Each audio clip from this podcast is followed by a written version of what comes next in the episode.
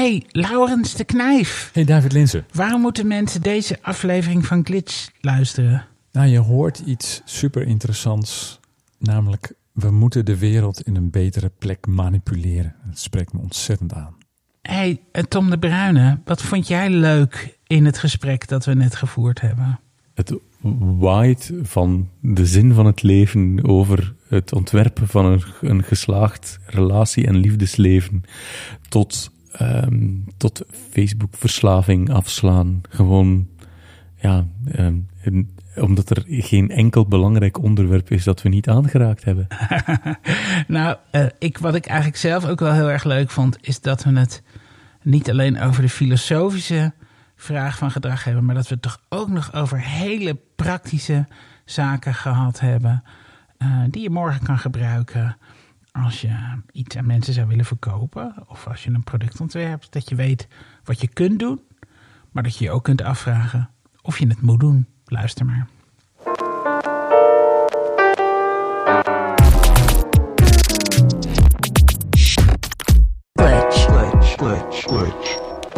Kijk, ik ga natuurlijk Tom even introduceren. Zullen we daar gewoon mee beginnen? Ja. Oké. Moet sowieso. Ja, is goed.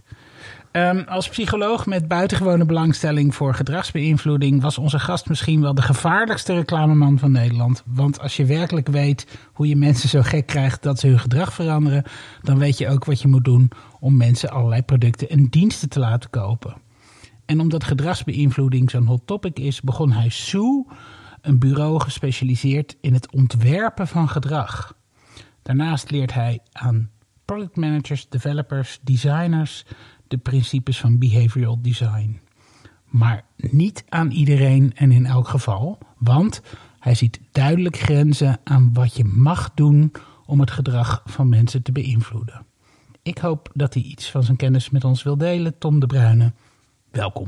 Dankjewel. Wat, is, wat wou je vragen? Je, had zo, je denk je bent Ja, gelijk al nieuwsgierig. Nou ja, ik, ik, wou, ik ben eigenlijk wel meteen heel benieuwd. Wat is behavioral design dan? Behavioral design is, ehm, nou ja, het woord zegt zelf, het is het ontwerpen van gedrag. Eigenlijk is het een leeg term als je erover nadenkt. Ehm, het, het gaat over het inzetten van psychologie, creativiteit, technologie, methodologie, eh, design in functie van het veranderen en beïnvloeden van gedrag. Ehm, waarom ik, ik zelf erg hou van de term is omdat hij agnostisch is. Hij, eh, hij hangt niet op aan, marketing als communicatie of design. Hij is, agnostisch in, termen van wat zijn de tools en de mentale modellen die ik, die ik wil gebruiken om proberen op een succesvolle manier gedragsverandering in te zetten. En het leuke aan zo'n agnostische term is dat je ja, uit alle mogelijke disciplines kan gaan eh, op zoek gaan naar, instrumenten. En voor mij is de psychologie uiteraard een heel, eh, een heel belangrijke, een heel rijke bron aan men- mentale modellen en tools. Maar ik haal die evenzeer uit linguïstiek, filosofie, antropologie, ehm, ja, noem maar op. Maar de psychologie is misschien wel wat het onderscheidt van, laten we zeggen, de wat traditionelere vormen van, eh, van gedragsbeïnvloeding. Ik kan me voorstellen, als je een theepot ontwerpt, dat je dan ook wil dat het, eh, het oor van de theepot eh, duidelijk maakt dat je het daarop moet pakken. En dat is natuurlijk een hele, dat een hele flauwe vorm, maar dat is natuurlijk ook een vorm van gedragsbeïnvloeding. Namelijk, je, je wil dat mensen iets doen, eh, je product of dienst gaan gebruiken. Maar dit is meer. Ook product designers zijn, zijn, eh, zijn ongetwijfeld gedragsontwerpers. Ehm, de manier waarop dat je een theepot ontwerpt, kan, eh, kan je ook al een, in gedachten hebben dat je een bepaalde ervaring wil ontwerpen. Of kan je er al heel veel cues in stoppen, waardoor dat de gebruiker van de thee als een omgeving kan signaleren dat hij een verfijnd iemand is. Dus er zit al ontzettend veel psychologie in de keuze van hoe de theepot gemaakt wordt. Ja. W- wanneer je afstapt van puur consumentengedrag en je gaat het over burgergedrag of ehm, ehm, nou ja, stemgedrag, donatiegedrag, dan, dan speelt inderdaad psychologie een soort eh, koningsrol in, in, het, eh, in het ontwerpen van. Eigenlijk, gedragsontwerp gaat over het ontwerpen van, ehm, van keuzes. Het ontwerpen van een context waarin je probeert een keuze te presenteren aan mensen, zodat die mensen de, de keuze eh, makkelijker vinden om te, om te maken. Heb je een goed voorbeeld van hoe jullie dat eh, in de praktijk doen? We, we werken op heel veel verschillende terreinen. Dat gaat van politieke beïnvloeding, eh, namelijk ja, hoe kan je op basis van framing eh, de strijd aangaan tegen extreem rechtspopulisme. Ehm, dat gaat over het, het beïnvloeden van burgergedrag. We zijn met van, van recyclage tot antiradicalisering hebben we gedaan. Um, we zijn bezig met, uh, met spaargedrag. Hoe kan je ervoor zorgen dat mensen um, nou ja, slimmer met hun geld omgaan of uit financiële problemen komen? Dat doen we zowel voor banken als NGO's. We werken voor de VN-vluchtelingenorganisatie. Echt rond ja, hoe krijg je mensen aan het doneren voor vluchtelingen? Of het nu gaat om burgergedrag, um, consumentengedrag, spaargedrag. Het gaat altijd over een beïnvloedingsvraagstuk, een gedragsvraagstuk. En waar ben je trots op? Um, ik ben op een aantal dingen trots. Uh, de, ik denk dat, dat de verkiezingsoverwinning van VVD eh, in 2017, toen, toen heel de ogen van Europa op Nederland stonden gericht, omdat Wilders op weg was om premier te worden en dat het begin zou leiden van een soort populistische vloedgolf door Europa. Um, en eigenlijk we tegen alle, alle pols in gewoon die verkiezing compleet naar ons toegetrokken hebben met, met wat ik noem toch een stukje contrapopulisme. Ja, ja dat, dat, dat, was, dat was magie, dat was kicken. Uh, maar, en, en, en, hoe hebben we... Want, uh, wat is we? nou ja. Je zegt we, dat, we in de VVD, was dat een klant van je of ja. ben je daar ook actief uh, lid van? Of, um, zelf bij, actief bij, in de politiek ook? Nou, nee, nee. Nee, ik, ik, ben een aanspoel Nederlander. Dus, maar ik, ik, ben, ik, heb, ik heb een lidmaatschap. Uh, maar werk al een, een, een, tijd met het, met, met het campagneteam. Um, ja, met het campagneteam van de VVD rond uh, hoe moeten wij godsnaam op, oprukkend populisme ja. de kop uh, ja. bieden. En daar heb je via behavioral design iets aan kunnen doen. Dus, vind je? Um, ik denk dat ik, ik wil ook. Ik, zonder daar uh, de rol in te overdrijven, ik denk dat in de eerste plaats je het van een uh, ja, van politieke kracht en talent van een Rutte en Dijkhoff moet hebben. Um, denk ik wel dat, uh, dat we daar een beter begrip hebben weten, weten te, te inspireren van ja, hoe werkt eigenlijk politieke beïnvloeding? Hoe werkt framing? En waarom ben je eigenlijk um, met een soort keukenmessen naar een pistolengevecht aan het gaan als je op een rationele manier probeert constant mensen te overtuigen van je, van je standpunten en je programma's en de feiten. Uh, dat, dat, daar hebben mensen geen mentale ruimte voor. Terwijl populisten, die hebben het niet over hun programma's. Wilders had letterlijk een A4'tje. Dat was een soort dikke middelvinger naar politieke programma's. Um, maar hij spreekt wel een taal en, en connecteert met emoties en gevoelens. En juist dat in kaart brengen, de mechanismes leren begrijpen waartegen ze aan het strijden zijn, um, heeft, heeft denk ik een, een, een, ja, een, een, een ander soort, tot een ander soort aanpak geleid. Tegelijkertijd zie je dat ze ook ontzettend worstelen met het feit dat ze ver weg willen blijven van manipulatie. En dus niet dezelfde, zich ze niet willen... willen bedienen van dezelfde precies, instrumenten. Ja. Precies. Dus dat is, dat is een, een bijzonder leuke intellectuele hey, en, discussie. En uh, uh, hoe, hoe, wat, is er, wat is er toen tastbaar zeg maar, veranderd in de manier waarop de VVD ging communiceren of campagne voeren? Um, dus je zegt, het, ja, ze probeerden eerst gewoon op argumenten ja. de wedstrijd te winnen. Mm -hmm. En, uh, nou, kijk, de, de, de korte omweg ja. naar een antwoord op die vraag is, is dat politieke beïnvloeding komt eigenlijk neer op het feit dat um, mensen in het stemhokje een andere vraag beantwoorden dan de feitelijk rationele vraag die je aan ze stelt.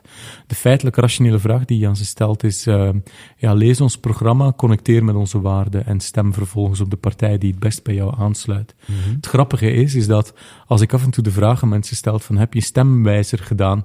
En dan, uh, de meeste mensen zeggen ja. En dan heb je ook daadwerkelijk dan gestemd op de eerste partij die, die de toplijst vormt van je stemlijst. Blijkt niemand te doen. Omdat uh, van zodra dat ze dan zien van, wat, Partij voor de Dieren, dacht het niet. En dan neemt een systeem 1 een onbewust het weer ja. over, omdat ze die vraag, omdat dat ze liever een andere vraag beantwoorden. Populisten zijn supergoed in het, um, in het proberen mensen een andere vraag te laten beantwoorden. Een vraag over identiteit, een vraag over, um, over bedreiging, een vraag over verraad. Uh, wie heeft je verraden? Wie bedreigt je? Uh, wie zijn Waar wil je bij horen? Waar wil je bij horen? Absoluut, absoluut. Ja. de stemmen is, dus verkiezingen is alleen maar identiteitspolitiek geworden. Ja, eigenlijk wel. Hoe meer ik erover nadenk de laatste tijd, hoe, hoe, hoe meer. En um, dan is de, de ethische vraag van, moet je ervan afblijven of, of ja, kan je niet anders dan je er ook van bedienen? En het is een super interessante vraag, uh, waar zij ook zeer, zeer, zeer um, voorzichtig mee willen omgaan met die vraag. Zij, dat is de VVD in dit geval? absoluut. En ja. tegelijkertijd zie, zie je wel van ja, als je, die, als je je niet bedient van, um, van dezelfde, uh, laten we zeggen, dezelfde tools, ja, dan, dan, kijk, verkiezingen winnen gaat uiteindelijk om een mandaat krijgen om te kunnen besturen. Maar het probleem is, is dat met besturen win je geen verkiezingen.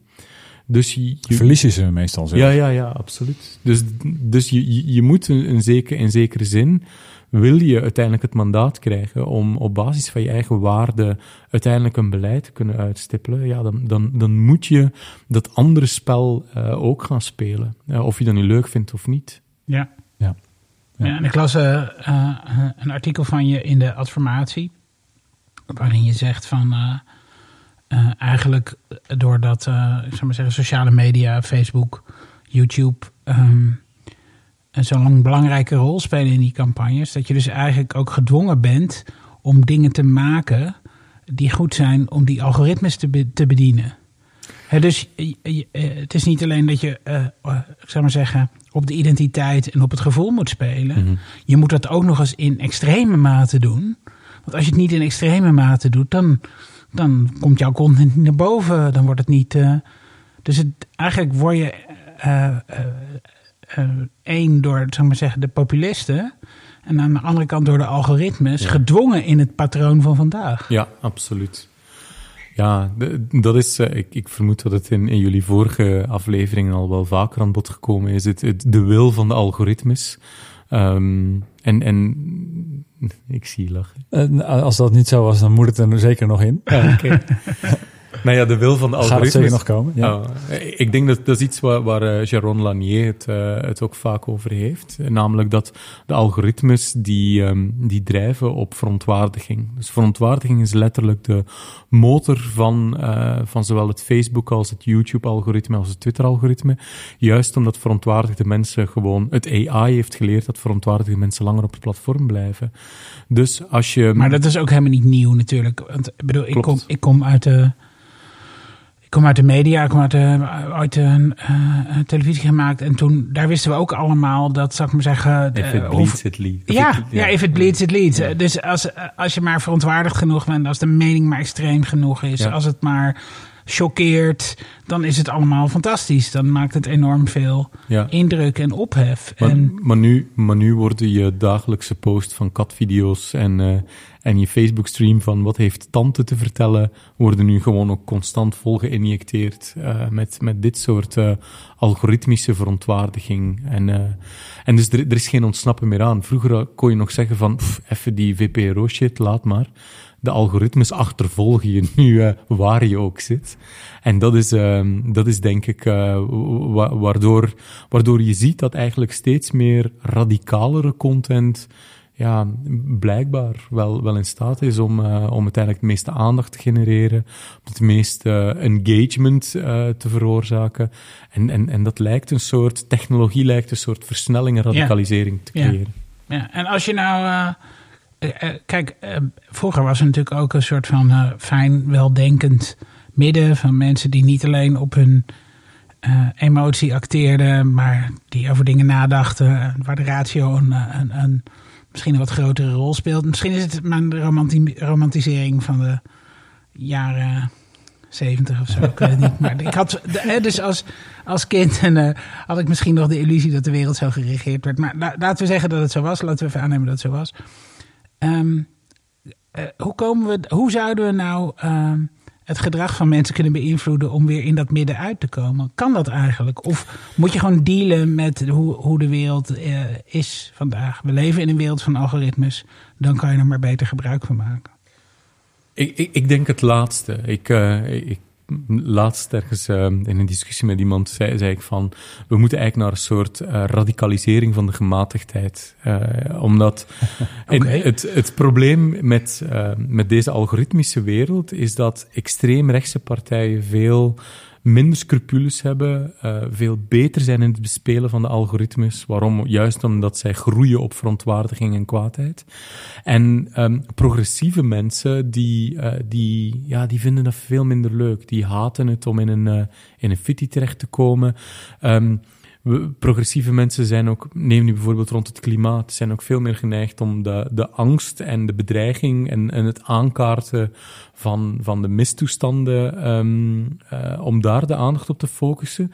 Terwijl dat, ja, angst verlamt. Als je mensen in beweging moet krijgen, dan ga je ze juist moeten um, ja, op, op een wervende manier proberen, proberen in, in actie te krijgen. En dus progressieven hebben een enorme inhaalslag te maken om zich van de algoritmes te bedienen, om ook de progressieve agenda tenminste zuurstof te kunnen geven tegenover de radicaal rechtsagenda. Maar de, de, de algoritmes genereren ook weer angst. De, de, de, de, de, de ene helft is, uh, is zeg maar uh, misschien positief, maar er moet net zoveel angst gegenereerd worden aan de andere kant. Uh, anders, anders polariseert het niet. Angst voor de mensen die anders zijn dan wij. Ja, of, moet juist angst gegenereerd worden ook, zou ik zeggen, toch? En, uh, maar het grote verschil tussen progressief en tussen rechts of mm, tussen links en rechts is dat uh, rechts creëert angst en vervolgens presenteert zichzelf als oplossing. Of heeft zelfs een heel simpel narratief over wat de oplossing voor de angst is. Sluiten poorten. Ja. Ik hoorde, rechts. Ik hoorde Baudet zelfs in, in dat, uh, in dat tv-debat met Rutte zeggen van uh, ja, we houden ze tegen gewoon als ze op de trein komen. Dan is er een meneer met kaartjes en die, en die gaat dan uh, zien dat ze geen kaartje hebben en dan zet hij ze terug. Ik van ja, ja, tuurlijk. Ja, tuurlijk. Ja, ja uiteraard. maar progressief uh, uh, links creëert angst, maar heeft eigenlijk geen antwoord over wat te doen met die angst. En die angst werkt verlammend. Dus, dus uh, progressief links moet veel simplistischer en, en extremer. Of wervender. Um, ik, Doet Arjan Lubach het goed? Daar, die, zie ja, je wel, die veroorzaakt tenminste aan die kant wel hmm. veel.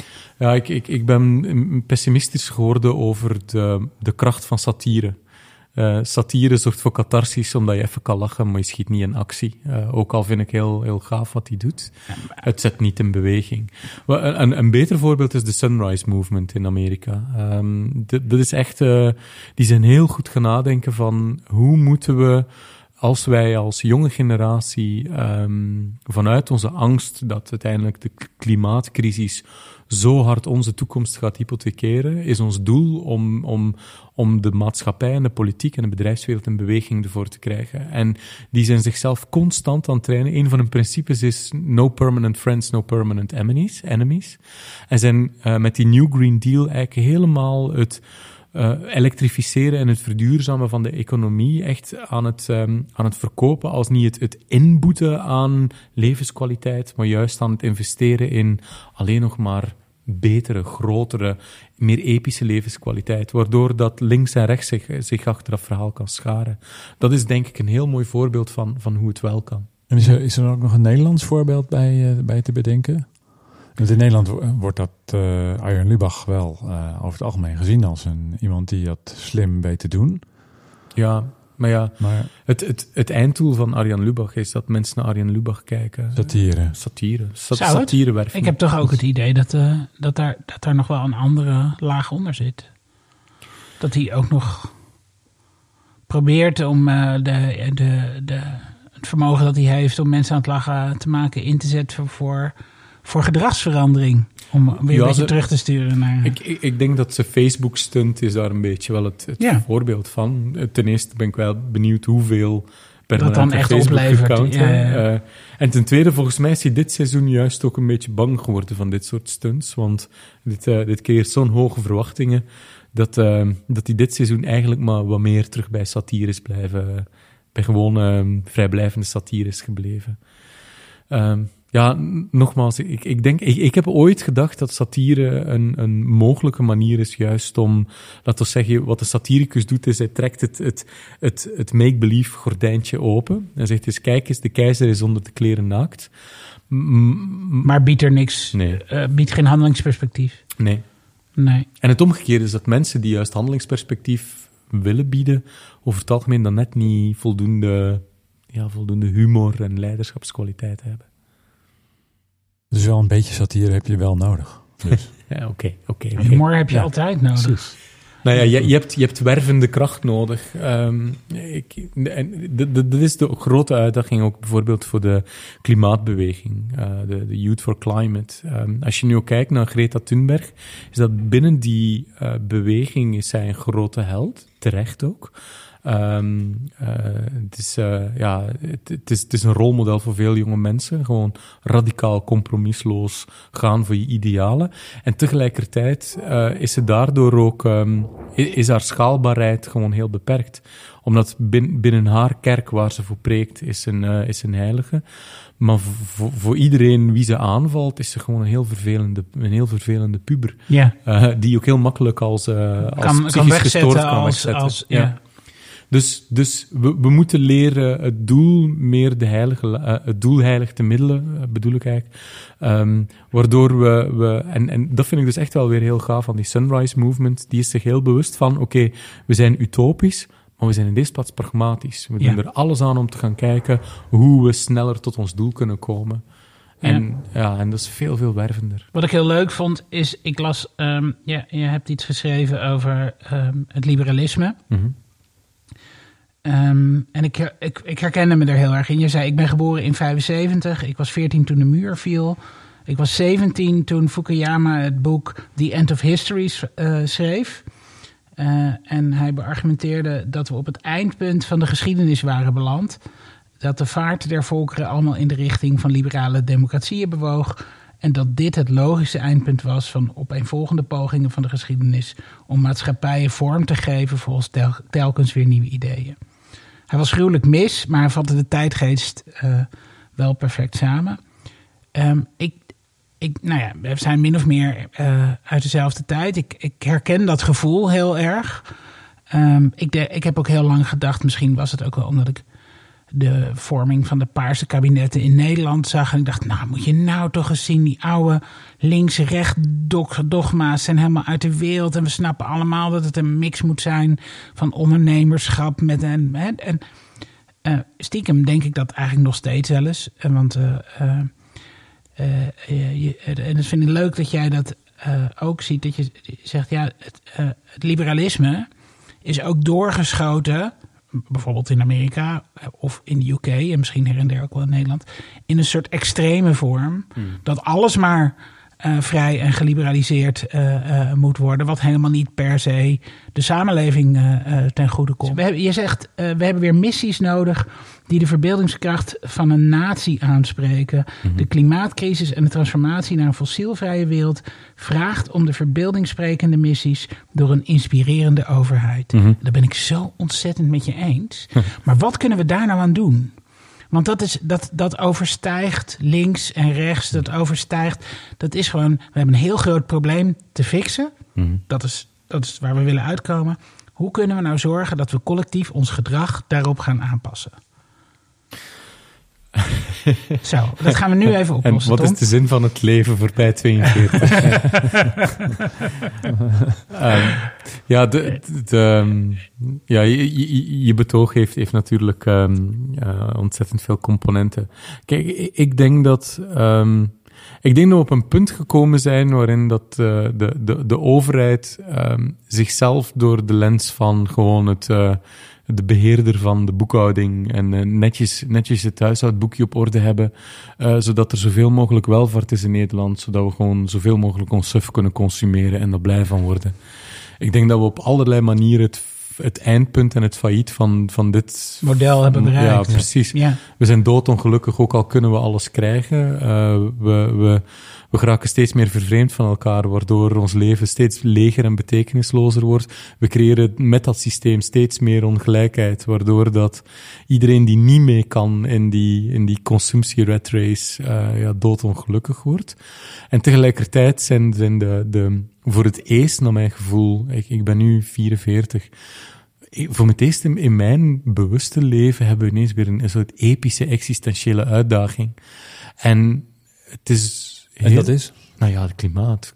klimaat. Ecosystemen die in sneltreintempo uit elkaar aan het vallen zijn. eh, en met, met alle gevolgen van, van dien. Dus de, de clusterfuck aan, eh, aan gevolgen hiervan in, een- in een complex ecosysteem als de aarde. Ja, die, die kunnen, we hebben het alleen maar te raden naar. En omdat we het raden ernaar aan hebben, is het voldoende voor mensen om te zeggen van, ja, we weten niet wat dat gaat worden, dus Ja. we doen niets. Ja. Nee, het enige wat we weten is dat in een complex ecosysteem zijn, zijn eh, eh, intense, snelle veranderingen zorgen voor zoveel radicale, onverwachte gevolgen, dat we geen idee hebben wat er op ons af aan het komen is. Dat het op ons afkomt, is, is vrij helder.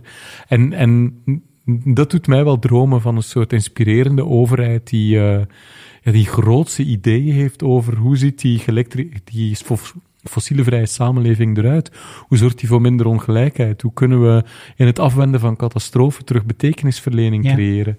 Ehm, en, en ja, ik zie groen dat vooral toch, toch een beetje een soort Calvinistische schuldgevoel-narratief nog steeds omarmen. Ja. Ehm, en heel veel zijn het nog aan het ontkennen. VVD zit er dan weer heel pragmatisch in. Eh, die denkt van prima, maar we gaan niet gek doen.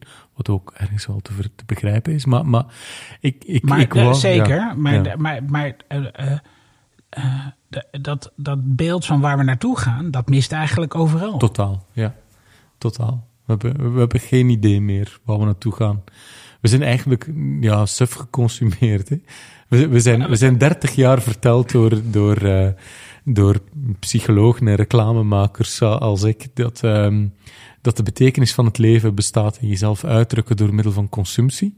Al onze verlangens zijn uiteindelijk daarna gemodelleerd. Van de plekken waar we naartoe reizen, tot de kleren die we dragen, tot de auto die we willen hebben. Al, al, al, onze individuele verlangens zijn zorgvuldig geconstrueerd. dat is echt zo, hè? Ja, Ik bedoel, ehm, ik denk dat zelfs die werkelijkheid we niet eens durven accepteren met elkaar. Hè? Nee. Dat, het, dat het zo'n bedachte constructie is. ja precies. Ja. Precies. Maar, maar we willen het omdat iedereen het wil, dus we, moeten het ook hebben. En dus voorbij die, ehm, ja, die hedonistische verlangens te gaan kijken en meer naar een, eh, een soort een, een, een collectivistisch ideaal te creëren waar we met z'n allen naartoe kunnen bewegen, ja, dat lijkt me een van de grootste framing, nou, als we dan toch over beïnvloedingspsychologie hebben, een van de grootste framing-uitdagingen voor de komende jaren. Mij ook. Het is ook. Ik zou er dolgraag eh, een groot deel van mijn tijd aan spenderen, omdat ik denk dat het zo'n grote uitdaging is. Ja, En ook omdat ik denk dat er ontzettend veel voldoening, voldoening uit te halen is. ja.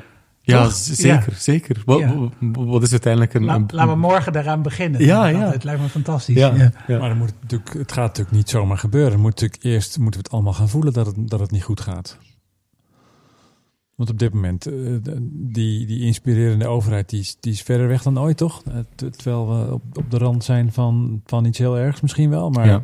eh, het, ik zie hem nog Misschien- niet aan de horizon. ouder heb je hem. Misschien kunnen we dat relateren aan dat andere psychologische fenomeen. Dat mensen natuurlijk ehm, banger zijn voor verlies dan voor het winnen van iets nieuws. Hè, Dus de angst voor verlies is, heb ik altijd begrepen, enorm groot, Ja. enorm sterk ontwikkeld in mensen. Mhm. Ja, klopt, klopt. En dan, ja, eh, we weten allemaal dat we.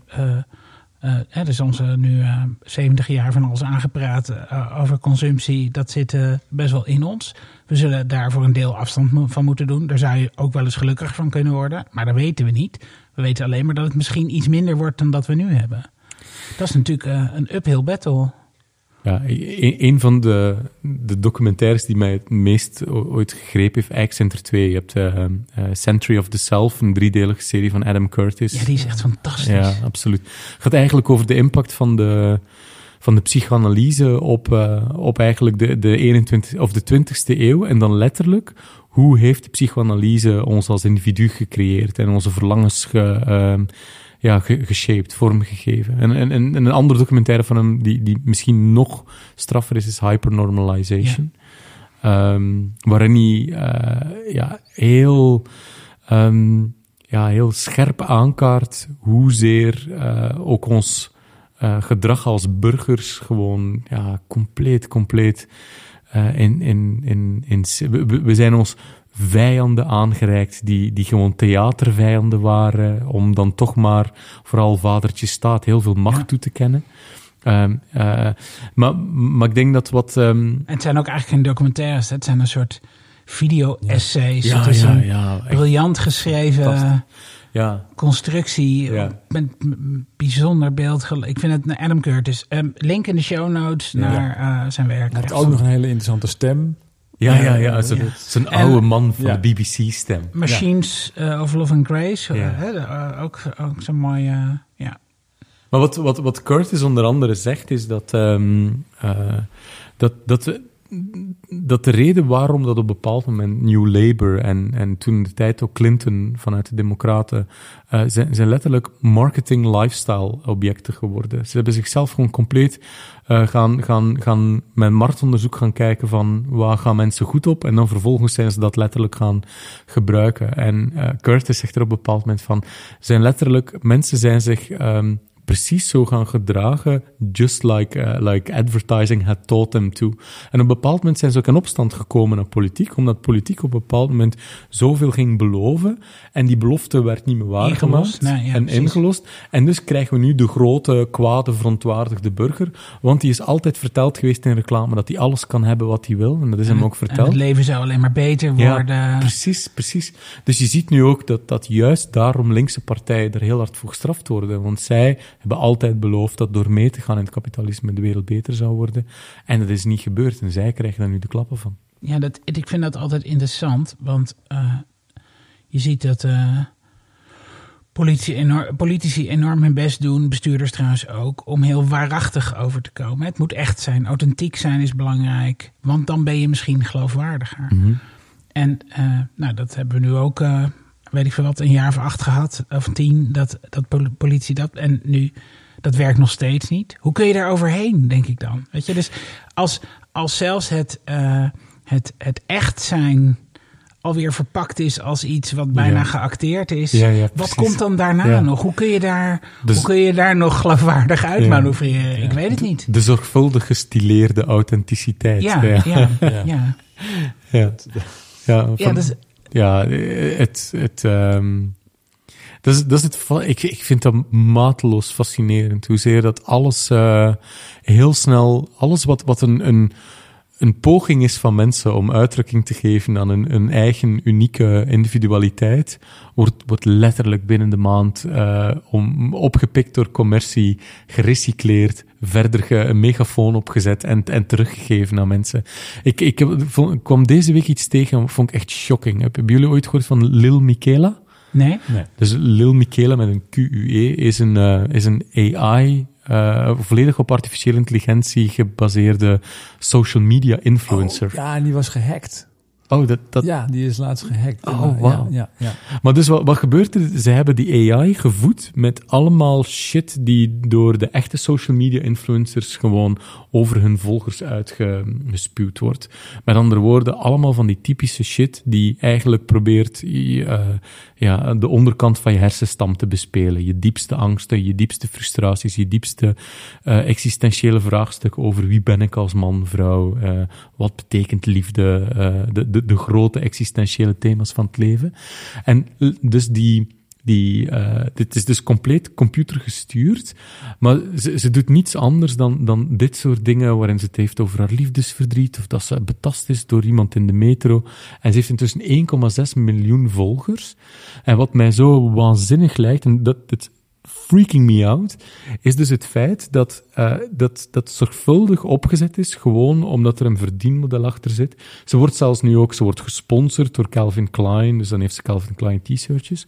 Dus het, het artificiële in- in- eh, eh, intelligentie is dus vandaag al in staat om op zo'n geraffineerde manier onze emoties te, te bespelen, puur en alleen voor het verdienmodel van, eh, van, van, een, van een partij die erachter zit, dat ik denk van, wow, dit is wel echt heftig. Dit, dit, dit, ehm, eh, ik, ik was me niet dat- bewust van hoe een- ver het al ging. Is het zeg maar door een computer gegenereerd? Of Ja. is het een door mensen bedacht toneelstuk met behulp van computer graphics? Ja, dus, eh, want ja, Nee, het, schij- het schijnt het, het eerste te zijn. het is echt een ja, robot. Ja, de artificiële intelligentie weet gewoon van welke, welke thema's moet ik raken, hoe moet ik me uitdrukken, welke emoties moet ik gaan hijacken, zodat ik uh, maximaal engagement dus kan uitlokken. Virtual influencer. Artificieel weet nu hoe ze authentiek moeten overkomen. Ja, exact. Dat is, dat is echt evil. Ja, ja, ja precies. dus daarom moet ik zo lachen. Is dat, dat, het is niet alleen dat, dat adverteerders en de commercie ons ingehaald heeft. Dat is eigenlijk nog peanuts in vergelijking wat de algoritmes intussen kunnen. Uh, en, en, met name ook wat Facebook en Google uh, kan. Ik zie daar uh, deze knuppel op de tafel liggen, The Age of Surveillance Capitalism. en dat is, dat is heel het betoog van Soshana Zhubov. Heb je het gelezen? Uh, nee, ik ben een van de 90 procenters die, uh, die zich die, uh, te, te, bij, het, bij het geconfronteerd worden van de dikte van het boek dan toch maar voor de secundaire bronnen en de YouTube-interviews ah, ja. met Sociana gegaan Ben je er wel in begonnen of niet? Nee. Oh, ja, ja. Ik denk dat je goed geld kan verdienen met How to Bluff Your Way. Into Shoshana Zuboff, hè? Een heel klein boekje zo bij het Bruna. Ja, denk ik denk ook, dat het ja. ja, precies. Nog ik ben ook kan, gesneuveld, hoor. Ik ben nog, ben nog steeds ongeveer op de helft. Ja, met een heel groot voornemen om de rest ook te doen. Maar. Volgens mij is, uh, kan je de meeste boeken ook, als je een goed samengevatte blogpost leest, dan heb je ook echt wel de essentie van het betoog te pakken. Wat ik heel, uh, uh, ik weet eigenlijk niet of ik het al eerder gezegd heb, wat ik heel goed vind is dat ze zegt, we hebben een andere taal nodig om te beschrijven wat er aan de hand is. De concepten die we kennen ja. zijn eigenlijk niet toereikend om te beschrijven uh, hoe we daarop moeten reageren of hoe we ons daartegen moeten wapenen. Herken je dat of niet? Want ik... Jazeker. We, um, we, we, worden eigenlijk vandaag uh, in abstracte termen. Uh, we worden in abstracte termen gewaarschuwd voor het, voor het gevaar. Uh, privacy is zo'n voorbeeld. Dat is een mega abstract woord. Wat, wat, betekent dat? Wat betekent het überhaupt voor een jongere versus iemand van onze generatie? Of in onze cultuur überhaupt?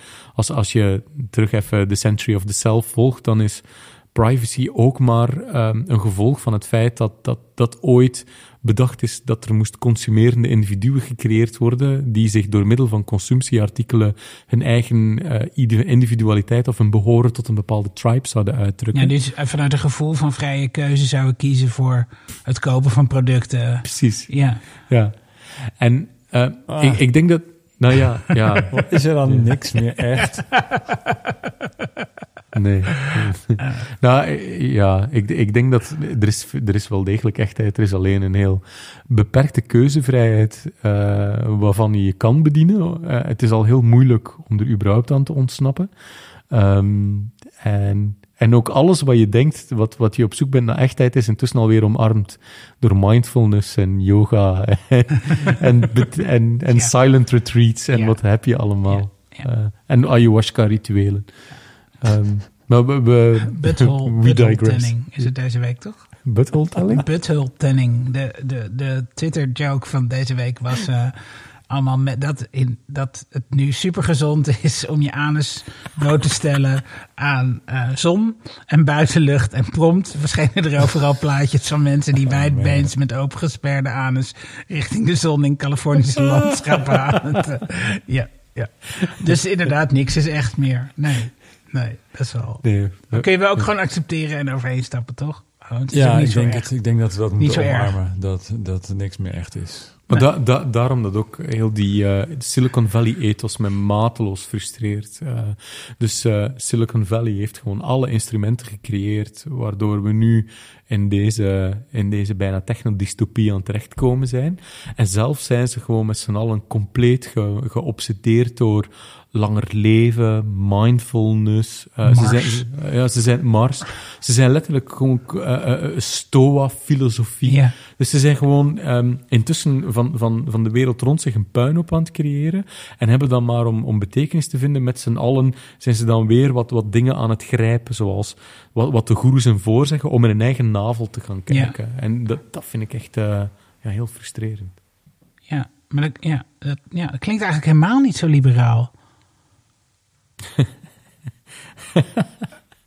Um, Nee, maar ja, ik denk dat het liberalisme ook echt wel wat op zoek is terug naar, naar zijn eigen invulling. Ik, ik, uh, ik kon bijvoorbeeld het, het liberaal manifest van Klaas Dijkhoff heel erg uh, waarderen, waarin dat hij ja, uh, juist ook aangeeft dat hij um, dat we af moeten van de, de kortzinnige liberale dogma's. Dat uiteindelijk de essentie van het liberalisme is maximale vrijheid, maximaal geluk voor zoveel mogelijk mensen. En dat de klassieke recepten om dat doel te bereiken misschien achterhaald zijn en we ja, ook moeten durven openstaan voor andere oplossingen daarvoor. Maximaal geluk voor zoveel mogelijk mensen is natuurlijk iets waar we het allemaal best vrij snel eens over kunnen worden. En wereldvrede voor iedereen. Ja, precies. Ja, ja. Nee, um, hey, even over iets heel anders. Ja, um, ja even uh, weg, even niet meer politiek. Nee, we gaan even, even parkeren ja, ja, we even, goed? Ja. Maar, het zal vast nog wel weer de kop opsteken. Maar um, oké, okay, dus je bent uh, Soe begonnen. Ja. Uh, maar daarvoor zat je natuurlijk uh, zelf ook aan de, aan de hoe gaan we mensen meer laten consumeren mm -hmm. kant. Ja. Um, was dat een hele bewuste keuze dat je dacht, dat wil ik niet meer, Ja. ik ga wat anders doen? Ja, absoluut. Kijk, je moet nog geen stap achter uh, terugzetten. Ik, ik um, uh, was. Uh, ik ben, ben afgestudeerd juist als klinisch psycholoog. Ja. Um, ik had in mijn laatste jaar van, van mijn opleiding mezelf zes maanden opgesloten in een crisisafdeling van een psychiatrische instelling. En na die zes maanden was ik wel genezen van mijn verlangen om klinisch psycholoog te worden. Dus ik vond het, ik vond het razend interessant. Ik heb alles wat, wat met Freudiaanse psychoanalyse te maken had verslonden.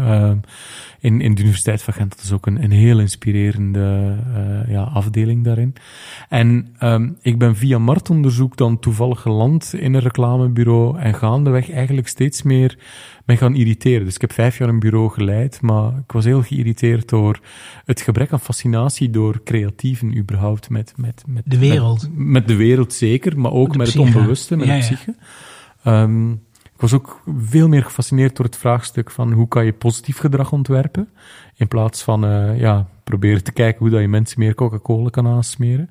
En dus uh, we hebben toen heel bewust, toen we besloten hadden met oké, we stappen eruit op het hoogtepunt met Boondoggle, wat moet Sue zijn? En hebben een aantal, uh, echt een, aantal fundamentele ja, axioma's als uitgangspunt genomen. Het gaat om het ontwerpen van gedrag.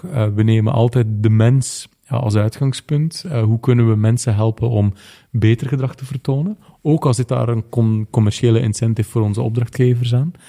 Daar, daar, um, uh, ja, daar, daar, nemen we en ontslaan we ook klanten op, of, of weigeren we ook klanten op. We hadden bijvoorbeeld laatst iemand van uh, Philip Morris die zich inschreef voor onze Behavioral Design Academy. Toen hebben we die echt in Ja. een go and fuck yourself mail Ja, ja, geschreven. ja. Een uh, klassiek geval van waar, waar het echt je keuzes gaat beïnvloeden. Absoluut, En absoluut. waar jullie dan de grens trekken. Ja, zeker, zeker. En dat is het leuke met samen met Astrid uh, Soe te hebben, is, uh, ja, je kan soms af en toe financieel heel onverstandige keuzes maken, want het is je eigen bedrijf. Jullie zijn Ja. behalve een professioneel uh, uh, duo, zijn jullie ook een privé duo, toch? Zeker, zeker. Lijkt me een, ook een hele uitdaging waar we het vandaag niet over zullen Nou, het, hebben. het is behavioral design. dus de vraag is, uh, hoe ga je ook gedragspsychologie toepassen om uiteindelijk... Uh, zo, het, het is op alle facetten van het leven. Je persoonlijk geluk, hoe zorg je ervoor dat je je relatie interessant houdt en hoe zorg je ervoor dat je onderneming... dat je geen slachtoffer wordt van je onderneming, maar juist ook daar betekenisverlening in vindt, is eigenlijk een optelsom van gedragingen die ervoor zorgt dat je, ja, dat je, dat je zelf...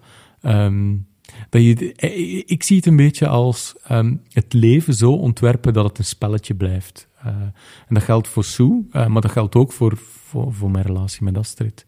Dus ten allen tijde moet het een soort goed gespeeld spel zijn. En wat... Uh, wat, wat Kom op, Esther Perel ter wat- territorium hier. Oh, absoluut. Ja. Esther Perel is trouwens ook een uh, Lacaniaanse psychoanalytica waar ik in opgeleid Ah, ben. ja, ja. En Belg. En Belg, ja. Ja. Jij bent groot fan, hè, Laurens? Ja, staat nu op de speld, geloof ik. Hè? Dus, dus, Wat eh, dan? Echt waar? Zover zijn Oh. we al. Oh ja. Oh, ik ga hem even opzoeken. Ja, zie je, satire is tandeloos. Heel leven moet je lachen en dan na twee weken zijn we het weer vergeten. Kan je weer voor Esther Perel gaan. Hey, en uh, als het hele leven een, uh, een spel is, welke regels leg je jezelf dan op in dat spel? Um, voor mij is dat is een heel goede vraag. Um, ik, ik denk dat um, prototype, pro, prototypen is voor mij een, uh, een spelregel. Um, eigenlijk is prototype een soort mindset geworden in het leven. Namelijk, uh, als je in alles wat je doet eigenlijk zegt van, we gaan dit uitproberen en het het enige wat ons kan overkomen is dat we leren dat het niks voor ons is, eh, dan, eh, dan kan je eigenlijk gewoon alles, alle, heel veel domme ideeën gaan doen en uitproberen. Of leuke ideeën gaan uitproberen. Als er iets zegt daarover, overigens, eh, eh, van, het is allemaal leuk en aardig, maar als je ooit vreemd gaat en dat wil verkopen als prototype, Dan dan ben ga je je aan het ballen eraf. Ja. so fair enough. Ja, dus er zijn wel, eh, er zijn ook wel een aantal regels die vaststaan. Als Nee, je, binnen dat spel. Ja, eh, voetbal werkt ook bij, bij, gratie van de buitenlijnen en de buitenspelval. Dat zijn de randvoorwaarden waardoor het spel heel mooi wordt. En het, dat geldt ook voor relaties. En wat heb je dan, eh, wat prototypen jullie dan? Wat is iets wat jullie uitgeprobeerd hebben? Alles. Voor- Eh, Dat, dat gaat van de kleinste dingen, eh, zoals een, een, een, een presentatiedek of, of ons trainingsprogramma, eh, nieuw trainingsprogramma prototypen, tot ehm, ik droom er al lang van om, eh, om een stukje van de winter over te slaan en op een andere plek te werken. Nou, dat prototype gewoon ook. Eh, vorig jaar zijn we proberen. twee weken in Tagazout in, eh, in Marokko gaan werken. Slecht prototype, want we hadden de driejarige mee. We werkten voor geen meter. Die vond het fantastisch. maar, maar het idee van werken van op afstand werd door dat prototype de nek omgevrongen. Toen zijn we ehm, eh, elke maand vier dagen om en om gewoon even vier dagen weg om te lezen, denken, schrijven. En dus ik doe het ene maand, Astrid de andere maand. Nou, dat is een blijver. Dat, eh, dat, dat, dat leert, leeft, eh, levert ons ontzettend veel op. Echt in, in dieper denktijd, dieper schrijftijd. Ja, maar ik ben enorm onder de indruk van de hoeveelheid artikelen, nieuwsbrieven, de eh, eh, enorme hoeveelheid productie die je hebt. Wat jij allemaal niet verstuurt. Ik kan sowieso iedereen aanraden om zich te abonneren op jouw nieuwsbrief. Dank. De Sue nieuwsbrief. Is dat De Soon nieuwsbrief. Zullen ook daar even de, een link voor in de show notes zetten. Het is echt heel erg leuk. En ook, nou, ik wil niet zeggen elke nieuwsbrief, maar om de nieuwsbrief zit er een inzicht in waarvan ik dacht, jeetje, dat wist ik echt nog niet. Dus wat ik heel leuk vind, volgens mij ben je een enorme alleseter. De hele wereld, ik weet het niet hoor, maar uit de nieuwsbrief werk je de indruk dat je de hele wereld interessant vindt. Ja. En elke, elke keer weet je daar weer gewoon nieuwe inzichten uit op te diepen. Hoe, hoe doe je dat? Hoe, hoe, hoe, lukt het jou om eh, zo productief daarin te zijn? Vind ik echt heel knap. Het, het, het antwoord is, is, is vrij triviaal. Behalve het feit dat je inderdaad gelijk hebt. Ik ben een nerd die alles interessant vindt. En als je eigenlijk al met dat soort mindset naar dingen kijkt, dus onbevooroordeeld als een nerd naar dingen kijkt en denkt van Jezus, dat is interessant, dan ben je ook veel sneller geneigd om je daar vragen over te stellen. En dan heb ik ehm, behavioral design, gedragspsychologie, eh, is een lens waardoor ik naar dingen kijk. En dan krijg je altijd verrassende inzichten vanuit die lens. Het triviale antwoord is, is dat ehm, ik heb een ex met een zoontje die in België woont en om het weekend zit ik op de vrijdag eh eh, zeven, acht uur in de trein Ah ja. om hem van school te halen. en dat is, dat is echt mijn productietijd. Dan, ik heb in mijn wonderlist schrijf ik tijdens. Ik heb wel de reflex om tijdens de week kleine nutjes van gedachten of dingen die ik lees daarop te slaan. Hashtag column, hashtag nieuwsbrief. En, en dan kijk ik de vrijdag en dan lees ik iets en denk ik van ah. En dan zit een spark in en dan, En dan ga je gewoon. het verhaal zichzelf. Ja. Ah ja. Ik weet ook nooit op voorhand waar mijn verhaal naartoe gaat. Dus dat is op zich heel grappig. En dan zit ik eigenlijk al als een kind nieuwsgierig van waar gaat dit verhaal naartoe? En dan komt het bepaald een punt en dan, nu moet ik het loslaten. En dan, dan heb ik een nieuwsbrief. Ah ja. Ah, goed. En ik, nog heel even terug naar die regels. Hè. Ik vond dat een goede, echt een hele goede vraag inderdaad. Maar er zit ook eh, nog meer in, denk ik. Eh, dus ehm, eh, je, je kunt vanuit een soort van manifest leven of werken. hè, Mhm. misschien vanuit als bedrijf. Heb, jullie hebben zoiets? Een soort, soort missie Ja, ja. Waarin, je, waarin je ook wel aangeeft wat je wel wil bereiken... en wat je dus ook niet wil bereiken. Zeker. Maar ik kan me voorstellen dat in de praktijk ook best wel lastig is om te weten wanneer je het goede moet doen of kunt doen. Je kunt niet altijd voorzien of iets goed uitpakt. Hè? Ja. Hoe ga je daarmee ik- om? Ik zal, even sorte- eh, eh, ik zal even citeren uit de missie van Sue, want dat is wel leuk. Jullie zeggen, de duistere kennis over beïnvloeding ligt op straat. En het is onze overtuiging dat degenen die deze kennis het best beheersen... er over het algemeen het slechtst mee doen. In alles wat we doen proberen we mensen enthousiast te maken... om de kennis te gebruiken om positief gedrag te ontwerpen. Ja. Ja, absoluut. Maar nou is het natuurlijk super lastig om dat van tevoren allemaal te voorzien. Of dat ook echt positief gaat uitpakken. Nee, dat, dat klopt. Dat klopt. Ik, ik denk dat we dat meer. ehm, ehm, ja, op, een, op een pragmatische prototyping manier moeten, moeten mee bezig zijn. Je kan hoogstens je eigen ethische kader als uitgangspunt nemen en daar proberen als kompas te gebruiken. Ja. En nogmaals, mensen zijn zeer complex, uh, uh, vaak ongrijpbare wezens, uh, waardoor dat, dat toch altijd weer blijkt dat je, dat, je, dat je leert, dat je weer moet bijsturen. Maar om, op een andere manier op jouw vraag terug te komen, ik denk dat wat Astrid en ik doen, is um, uh, elk kwartaal houden we MT-weekend. En we zijn getrouwd, maar de paradox is, dat als je getrouwd hebt en een kind hebt uh, en een onderneming, dan, dan is juist het vinden van kwalitatieve tijd om als MT na te denken over de koers, schiet er nog wel eens mee in. En dat is een understatement. Dus elk kwartaal huren we ergens in Nederland een blokhut. Er moet haardvuur zijn en kaasfondue en dan gaan we weekend. En ons MT-weekend begint altijd met de, met de simpele vraag...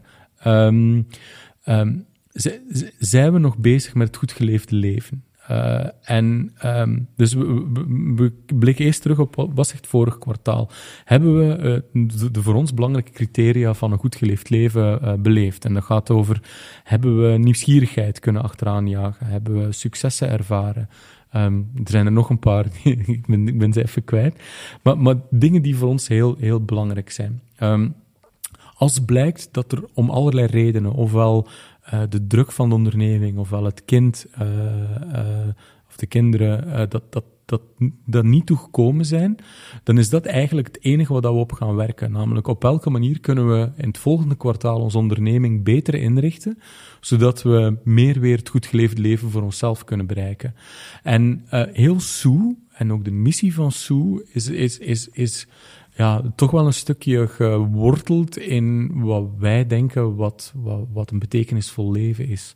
Dus met betekenisvolle dus, dingen bezig zijn. Dus jullie bedrijf is afgezien van wat je er andere mensen mee kan leren of hoe je een probleem kan oplossen, toch heel erg gericht om voor jezelf het leven zo vorm te geven dat je eruit haalt wat je er wil uithalen. Ja, het is heel persoonlijk. Ja, tuurlijk. Maar juist doordat je mensen kan meenemen in deze optimistische, nieuwsgierige zoektocht, denk ik dat je een bron van inspiratie ja. kan worden.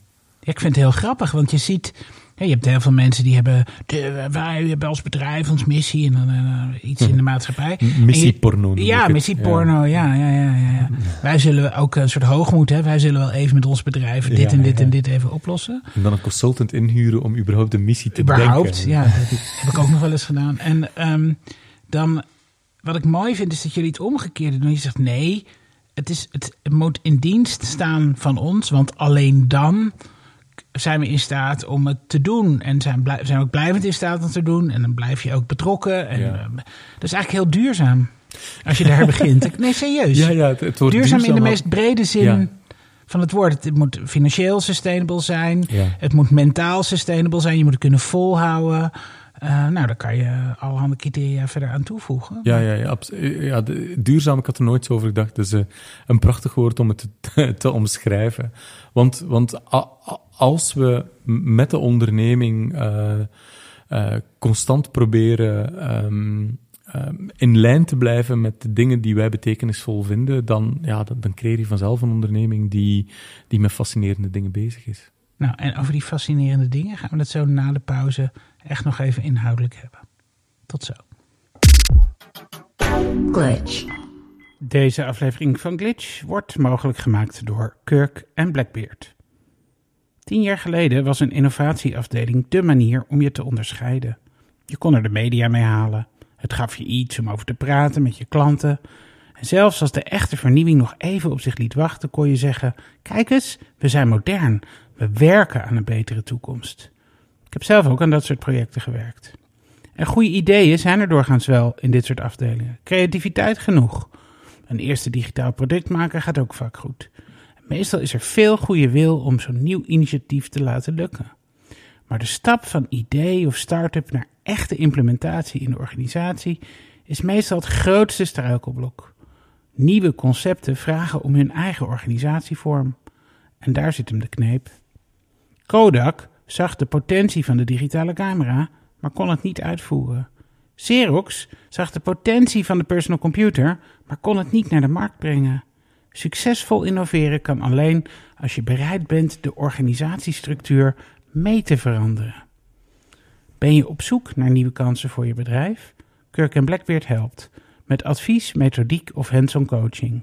Maak nu een afspraak voor een gesprek. Kijk op kirkandblackbeard.com. Glitch. Tom, uh, met Sue ontwerp je gedrag. Uh, hoe doe je dat? Wat is dat eigenlijk? Waar is dat op gebaseerd? Laten we eens een beetje inzoomen op hoe, hoe dat in de praktijk werkt. Ja, nou, eigenlijk het, het beginpunt om, om na te denken over gedragsverandering is keuzepsychologie. Um, het beïnvloeden van gedrag gaat over het begrijpen hoe, hoe mensen tot keuzes en beslissingen komen. Dat is, dat is echt, uh, laten we zeggen, dat is, de, dat, is, dat is de potgrond van de, ja. van, de, van de behavioral design. En dat is gewoon, uh, dat is dan weer sociale psychologie eigenlijk, toch? Cognitieve psychologie zelfs. Sociale ja. psychologie um, kan, kan absoluut een rol spelen in, in hoe nemen mensen beslissingen gebaseerd op ja. wat ze zien van anderen. Ja. Maar het gaat in deze plaats van, ja, hoe, hoe werkt het onbewust? Dus dan moet je de, denken in termen van thinking fast and slow van, van Kahneman. Um, en wat, uh, wat gedragsontwerpers eigenlijk proberen te doen, is um, gaan nadenken van hoe kan je mensen helpen om een keuze te laten maken zonder dat ze er actief moeten over nadenken. Of, zoals Kahneman zou zeggen, zonder dat ze een rationele brein of een systeem 2 daarvoor nodig hebben. Dus dan ga je gaan nadenken in termen van hoe kan ik um, mensen shortcuts geven, zodat ze ja, zodat ik ze richting gewenst gedrag kan krijgen. Zodat ik ze makkelijk maak om een, om een bepaalde beslissing te nemen. En om dat dan um, nog beter te begrijpen, moet je eigenlijk proberen, dus dan, dus het, het thinking fast and slow is, is pijler 1. Pijler 2 is gaan nadenken over waarom doen mensen vandaag wat ze doen en waarom blijven ze vastzitten in ongewenst gedrag. En wat zijn de krachten die hen daarin vasthouden? En ten tweede, wat zijn de krachten die we kunnen gebruiken die hen in beweging kunnen krijgen? Dus alles wat hen vasthoudt in ongewenst gedrag, dat kunnen gewoontes zijn, dat kunnen, um, kunnen angst voor het nieuwe zijn, mm -hmm. uh, kunnen... Gewoon ook voordelen die ja, je hebt bij... zeker, ja? zeker. Onbe soms onbewuste voordelen. Ja. Soms kan je heel lang bij een slechte relatie blijven, omdat er een aantal voordelen aanhangen die je die je niet onder ogen wil zien. Je angst om alleen te zijn, bijvoorbeeld. Mm -hmm. Um, en, uh, maar, maar, sommige krachten kunnen juist ook de, mensen wegduwen richting gewenst gedrag. Frustraties die je kan uitvergroten, Oh, of, ja. um, nou ja, of, of, of dieper liggende motivaties of doelen die je kan vinden, waar je mensen wel voor in beweging wil, kan krijgen. Dus bijvoorbeeld rond uh, pensioenen. Is, je krijgt mensen met geen stokken in beweging rond pensioenen. Maar misschien krijg je ze wel in beweging rond, um, rond de dromen die ze hebben voor later. Voor hoe ziet mijn leven eruit als ik, uh, als ik financieel onafhankelijk ben. En eenmaal als ze daarover nadenken, zeggen goh, die droom wil ik wel achteraan leven. Ja, tussen nu en tien jaar. Welke inspanning kan ik nu doen, zodat ik financieel onafhankelijk word? En misschien krijg je ze dan tot pensioengedrag zonder dat je ooit het woord pensioen hebt in de mond moeten nemen. Dus het heel erg proberen de mens achter de, de klant te begrijpen, is echt wel de basis. Ik, ik noem het outside-in denken. Je begint met waarom doen mensen wat ze doen? Wat zijn de verhalen die ze zichzelf vertellen? Wat zijn hun dieperliggende dromen, doelen, verlangens, waar ik, uh, waar ik beter begrip van moet krijgen? En hoe kan ik vervolgens mensen helpen om die doelen te realiseren? Um, hoe kan ik hun, hun, pijn voor ze oplossen? Hoe kan ik hun angsten wegnemen? Die uit, uitvergrote frustratie is ook heel herkenbaar. Mm -hmm. En dat is, elke telcel is dat. Ja. Toch? Ja, elke goede sales verstoon, Gro groentes, verkoopt groentes snijden met een aardappelschilmesje, dat wil toch niemand? Nee, neem, nee, neem, nee. ja. dat, is heel, dat is echt een, een frustratie die je misschien herkent, maar niet heel vaak hebt. Nee, nee. Uitvergroten tot iets wat, wat, wat je aanzet tot kopen. Leuk zeker, is dat. Zeker. Ja, echt elke goede salespersoon verkoopt pijn. Ja. ja. En, en die Telcel commercials zijn fantastisch. Uh, ik, ik, uh, als, telkens als ik in Duitsland ben, dan blijf ik s'nachts op om die uh, op tv te kunnen zien. Ja, ja. Roepen ze maar aan. Maar goed, als het, als het geen echte pijn is, is het uiteindelijk waarschijnlijk ook niet een, een duurzame oplossing. Als de, um, nou ja, als de, pijn, als de pijn niet in relatie staat tot een belangrijker doel die iemand heeft. Kijk, professionele doelen kunnen zijn: um, ik wil uh, erkend worden als professional of ik wil groeien als persoon. Dat zijn dieperliggende motieven waarvoor je heel veel gedrag kan, kan vragen van mensen. In je professioneel leven, ja, bijna gaat het altijd om dezelfde. Ik wil erkend worden, ik wil geliefd worden, ik wil gezien worden. Ehm, eh, ik wil groeien als persoon. eh, ik wil nieuwe ervaringen opdoen. Dat, dat zijn bijna altijd de dieperliggende motieven. Dat als je het gewenst gedrag daaraan kan koppelen. En kan zeggen van kijk, het, het gedrag waarvoor ik je in beweging wil krijgen. Is je best mogelijke manier om dit doel te realiseren. Dan krijg je mensen in beweging. Ja, er is dat eh, voorbeeld van eh, eh, iemand wiens naam ik niet weet. eh, die zegt van, hey, people don't want eh, een, een 8-inch eh, eh, drill. eh, they, they want een 8-inch hole. Eh, of 2-inch, weet ik het. Eh, maar, en... 8 inch Eh, hole. Weet je hoe groot dat is? 12 inch is een LP en 8 kan- inch hole. Dat is groot van een single. Een fallische vergelijking. Ja, quarter inch was het. maar dat is natuurlijk, eh, dat is natuurlijk ook niet wat mensen willen. Ehm, eh, Mensen willen een Een schilderij schilderijtje ophangen. ophangen, ja. Ja, en, en sterker nog, eh, mensen willen, ehm, eh, wat je eigenlijk wil communiceren, de behoefte die daar nog achter zit, is dat mensen willen eh, vrijheid, mensen willen zelfstandigheid, mensen kunnen het, je kunt het zelf. Ik ben, Ja. ehm, ik ben eh, in staat om dit zelf te doen. Ja, absoluut. Absoluut. Nu zijn we toch de hele Maslow-pyramide opgeklommen? Ja, ja, ja, maar dus, dus hij, hij begon heel inside-out. Namelijk, mensen willen een, eh, een gat boren. ehm, Ja. of willen een Ja. boor. Dan outside-in is willen een gat boren. Dat is functioneel. Oké, zit er een diepere functie onder? Ja, ze willen een schilderijtje pakken. Oké, zit daar nog een dieper Ja. emotioneel Ja, ding onder? Ja, ze willen hun artiest... Ze willen en eh, iets vertellen over zichzelf aan iedereen die in hun huis komt. Door middel van Kijk het eens, werkje die aan kijk de eens muur wie ik hangt. ben. Ja, precies. En willen tonen aan zichzelf en anderen van, ik heb dit zelf gedaan. Maar uiteindelijk wil je ze toch een boor verkopen. Eh, Ja. En dat doe je dus door aan te spreken op, eh, jij kunt dit. Ja. Jij kunt dit zelf doen. Jij bent degene die je huis fixt. Die, die, bo- die boor is de ultieme expressie van je diep gefnuikte mannelijkheid. Ja, Ja, nee, daar kan natuurlijk ook De Hornbach. Uit. Dit is, gewoon, Zeker. dit is gewoon het scenario voor elke Hornbach-reclame wat ik nu... eh, echte mannen die hun projecten klaren. ja, ja, absoluut. absoluut. Ik Nou heb er volstrekt geen last van. Nou, Nee, dankjewel, want ik heb me altijd heel erg onbevredigend gevoel gehad bij dat voorbeeld van die, van die quarter inch hole. Van ik dacht van, ja, maar dat wil niemand. Nee, Niemand wil ook, uiteindelijk is dat ook niet wat je wil. Nee. Ja. Het gaat altijd dieper proberen pellen van wat... Ja. eh, eh, dat job to be done frame van Clayton Christensen Ja. staat heel goed in. En wij, wij gebruiken die ook in ons influence framework. Dat is de hoeksteen daarvan. Ik vind dat daar nog veel te weinig aandacht voor is. Ja. Eh, dat is zo ontzettend eh, fascinerend. hè. Dat, eh eh, Christensen geeft dat voorbeeld van eh, dat ze onderzoek doen eh, naar de verkoop van milkshakes. Mhm.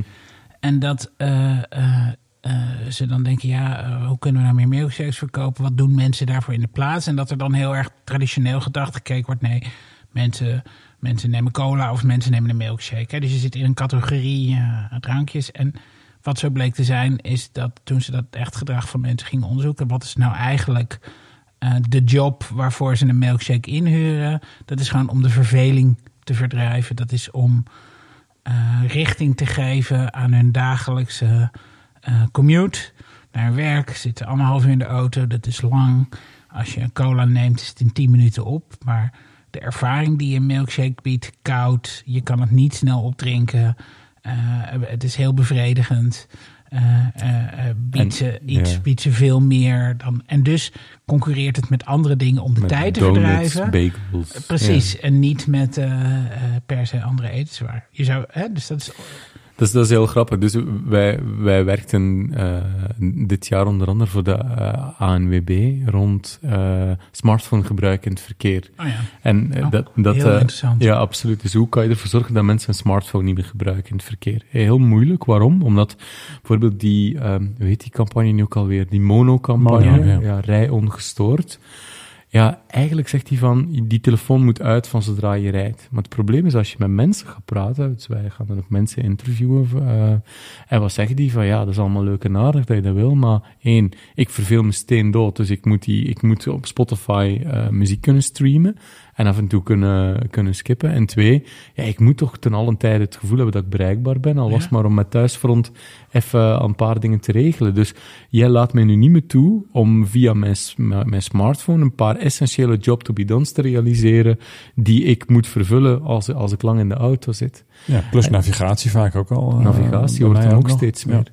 En dus dat, dan, dan moet je eigenlijk al gaan, gaan, gaan concluderen dat als mensen die job to be done niet kunnen vervullen met die telefoon, ja, dan gaan ze ook gewoon niet mono gaan. Sterker nog, wat, wat, wat heel grappig is, is dat um, dan is een soort uh, typische klassieke reflex uh, vanuit, vanuit meer rationeel denken, is van, we gaan ze boetes geven als ze bellen. Maar wat doen mensen? Ze gaan dan vervolgens hun telefoon onder Ons, zich houden, ja. zodat de politie het niet ziet. Nog gevaarlijker gedrag. Ja. Dat is een perverse prikkel. Um, ja. Het is niet alleen dat ik werd letterlijk uh, twee dagen geleden uh, bijna van mijn sokken gereden door een automobilist. Die op een of andere manier, weet ik wat, een foto van een gebouw of zo wilde maken. En dus alleen maar op zijn telefoon aan het kijken was. Uh, door zijn zijraampje, terwijl hij niet meer voor zich keek. Het heeft natuurlijk. Kijk, um, wat dat betreft is het natuurlijk ook een ongelijke strijd. Ja. er werken in Silicon Valley um, laat maar zeggen, duizenden Tom de Bruines. Ja.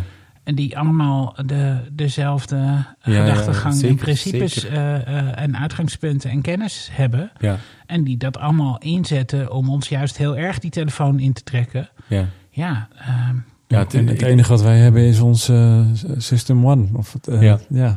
Ja, ik, ik, hou erg van, ik hou erg van dat concept van het is een ongelijke strijd. Is, er is een um, er, zijn, er, er is miljarden geïnvesteerd, geïnvesteerd om zowel de technologie als de briljantste geesten van onze tijd aan het werk te zetten om, om te gaan proberen te ontdekken hoe je ons verslaafd kan maken aan apps.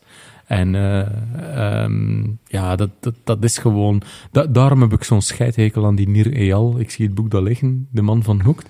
Waarom? Omdat het echt... Het boek is heel goed, maar de man is echt een hypocriet. Oh ja? Um, ja, dus hij heeft Hoekt geschreven. Hoekt is eigenlijk een soort de bijbel geworden ja. van hoe maak je mensen verslaafd aan applicaties. Ja. Engagement is gewoon newspeak voor verslaving. Ik, ik, ik, ben, er, ik ben erin begonnen. Ja.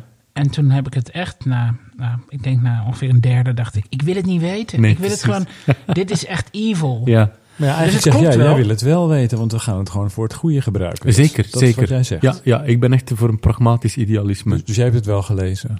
Uh, zeker, zeker.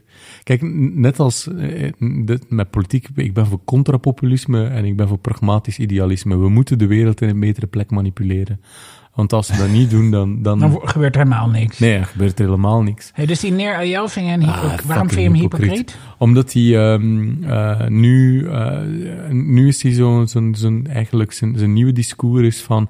Ja, het is toch een beetje je eigen schuld als je smartphoneverslaving hebt. Terwijl dat... Eh, eerst, eerst, eerst geeft hij de blauwdruk aan Silicon Valley om, uh, om, om, ons te, om hen te vertellen hoe kan je onze zwaktes uitbuiten. En dan gaat hij vervolgens zeggen van ja, het is toch wel zwak van je als je daar geen weerstand kan tegen. Van ons als consumenten. Precies. Het is onze eigen schuld. Precies, en dat is niet fair, want het is, het is gewoon een ongelijke strijd. Als je de briljantste geesten en de beste technologie inzet om ons verslaafd te maken, ga dan niet zeggen dat onze schuld is als we verslaafd zijn. Dat, nee. uh, die man moet echt met pek en veren afvoeren. Goed.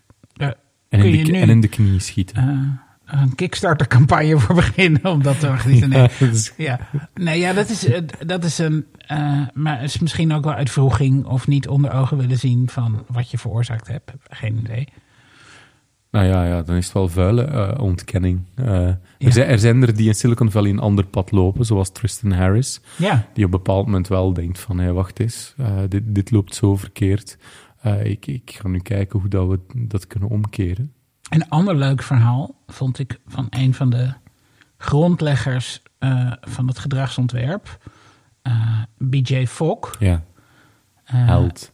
Ja, is dat ja? Zeker. Oh, dan, nou ja, dan weet jij veel meer. Ik las.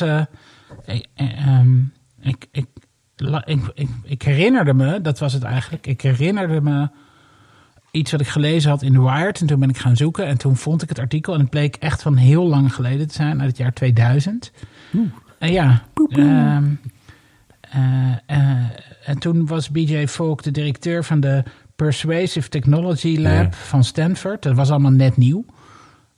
dat was hij toen net een paar jaar begonnen. Um, en in dat artikel vertelt hij over een onderzoek dat ze gedaan hadden om tieners een pop mee te geven.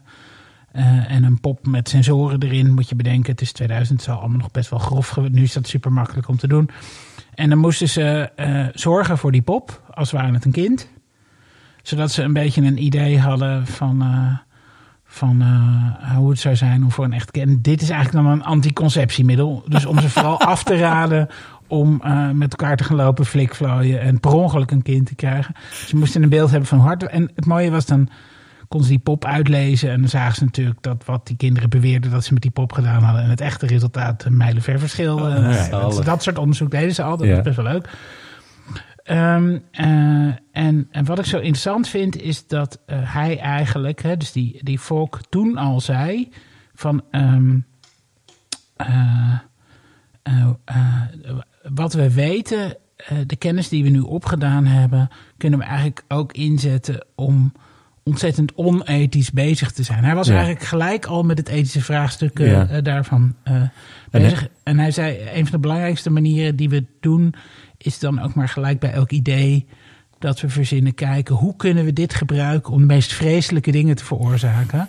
Want dan heb je die vraag maar geadresseerd Ja, en dan ja, weet je ook wat je daartegen Oh, kunt doen. Vind ik zalig. Ja, Futuring, toch? toch? Futuring, ja. Dus gewoon de, de consequenties van iets tot in de meest extreme variant Ja. doordenken. Ah, geniaal. Ja, Ja, hij is echt helemaal naar, naar de good side gegaan. Hè? Eh, dus hij, hij heeft ook... eh Nir Eyal heeft eigenlijk de stil van Fok geleerd. ja. Eh, maar die twee zijn niet meer echt aan speaking terms, juist omdat, omdat Fok het hem heel kwalijk neemt. Fok is zelf ook een mormoon. Ehm, eh, een, een, een eh, homo zelfs, eh, homo en mormoon. Dus ja, in hoeverre dat sinds ze... 1987 wel samen, begreep ik. Ja, ja, ja, Daarvoor precies. niet. precies. Maar is, is met, hij doet bijvoorbeeld gratis webinars rond eh, eh, behavioral design en climate, climate change of, of climate action. Eh er is een nieuw boek, Tiny Habits, gaat echt over hoe kan je door, door Kleine- grote gewoontes klein te knippen, langzamerhand echt heel positieve gewoontes ontwerpen. Ehm, ik had trouwens ooit een blogpost geschreven van Why Nir Eyal is een hypocrite. En naar aanleiding van die blogpost, iemand had die naar Fok doorgestuurd, kreeg ik ineens een mailtje van Fok. Ja, ja, ja, Hoe dat was dat? Ja, precies. Ja, dat was wel echt heel cool. Eh, hij, hij had, eh, en, eh, hij had dan vervolgens zitten doorklikken op onze site. Hij zei van, ja, hey, wacht eens, jullie zijn Behavioral Design Academy. Zegt hij, ja, ik heb ooit in mijn slide deck tien jaar geleden die term gebruikt, maar nadien nooit meer gebruikt. En terwijl hij die mail aan het typen was, moet hij wellicht gedacht hebben van, fuck, ik heb gewoon geen poot om op te staan. nou ja, ehm, anders als ik in Europa ben, moeten we zeker eens afspreken, misschien kunnen we samenwerken. Hij was iets van, yeah, Oh, wat leuk. Wat goed zeg. Ja. Oh, dat is wel echt mooi, ja. Ja. Dus eh, dat was wel heel, heel een soort, een soort groupie moment. Hey, maar dus in 2000, in dat interview met Wired, zegt hij... If you understand how people are trying to manipulate you... You can, better, you can be better informed... and make sure you're not being taken advantage of. Ik denk dat hij daar eh, naïef was in Ja, hè? 2000. Ja, Want dat wou ik eigenlijk vragen. Nee. Is dat zo? Zie jij dat ook zo? Kun je er, kun je er alleen door je bewust te zijn van het principe... nee. Waarom niet? Waarom kunnen we daar geen weerstand aan bieden? Ehm, Is het omdat het zo inspeelt op ons reptiele brein? nou, het, het ding is, is dat ons rationele brein het slaafje is van ons reptiele brein. Ja. Dus we postrationaliseren alles. En als we op een bepaald moment verleid worden en, eh, en we willen erin geloven, dan zoeken we gewoon de argumenten die, die, dat, eh, die dat bevestigen en versterken. En, ehm, en ja, je kan, je kan dan iemand best vertellen van, ja, maar je bent gemanipuleerd. Van, ja, ja, maar ik heb het wel zelf gekozen. Ja. Dus Ja. men, men praat het gewoon toch goed. Dus de ratio heeft geen vat op... eh, Dat, dat, zit in, dat zit letterlijk in de Matrix, hè? Die, eh, die ene jongen die in de Matrix eh, zegt van... Ja, dat is oké, I'll stay in the Matrix. Ja, ja. En die, die wordt dan Mr. Reagan of zo, geloof ja, ik. ja, ja, ja, ja, ja. Ja. Die zegt van, ja, ik vind het prima, ik vind dit beter. Ja, ja, Kies er zelf voor. ja. Doe me met make-believe. Doe mij maar de blue pill. ja, ja, precies. Ja, eigenlijk willen we allemaal het liefde wat we doen achteraf in ons eigen narratief plaatsen. Ja, de, ja we, zijn, we zijn echt eh, ge- diep gecodeerd om een consistent narratief ro- rond onszelf te creëren. Dus eh, alles wat dan niet meer strookt is een soort zwart gat waarin dat feiten en tegenstrijdige ideeën verdwijnen. Hey, als we nog even naar de, de ideeën van Volk gaan. Hij heeft bedacht dat, eh, dat gedragsverandering eigenlijk een, een soort eh, combinatie is van eh, motivatie en mogelijkheid. Ja, Ehm, een trigger. en triggers. Hm. En, en, en dus dat ehm, eh, triggers werken natuurlijk heel goed als je en goed gemotiveerd bent en de mogelijkheid hebt of het heel makkelijk is om dingen te doen. Mhm. Nu zit denk ik het, het makkelijk maken van dingen zit heel erg in het domein van eh, gebruikersgericht ontwerpen. En dan ben ik weer even terug bij het, zeg maar zeggen, de traditional service design of, eh, of, eh, of digital product design. Dat is natuurlijk heel erg. denk aan, denken aan, aan, aan UX, user experience. Heel veel daar is gericht op hoe maken we dingen makkelijk. Mhm. Dus, en dan ben doe je eigenlijk al de helft van het werk Mhm.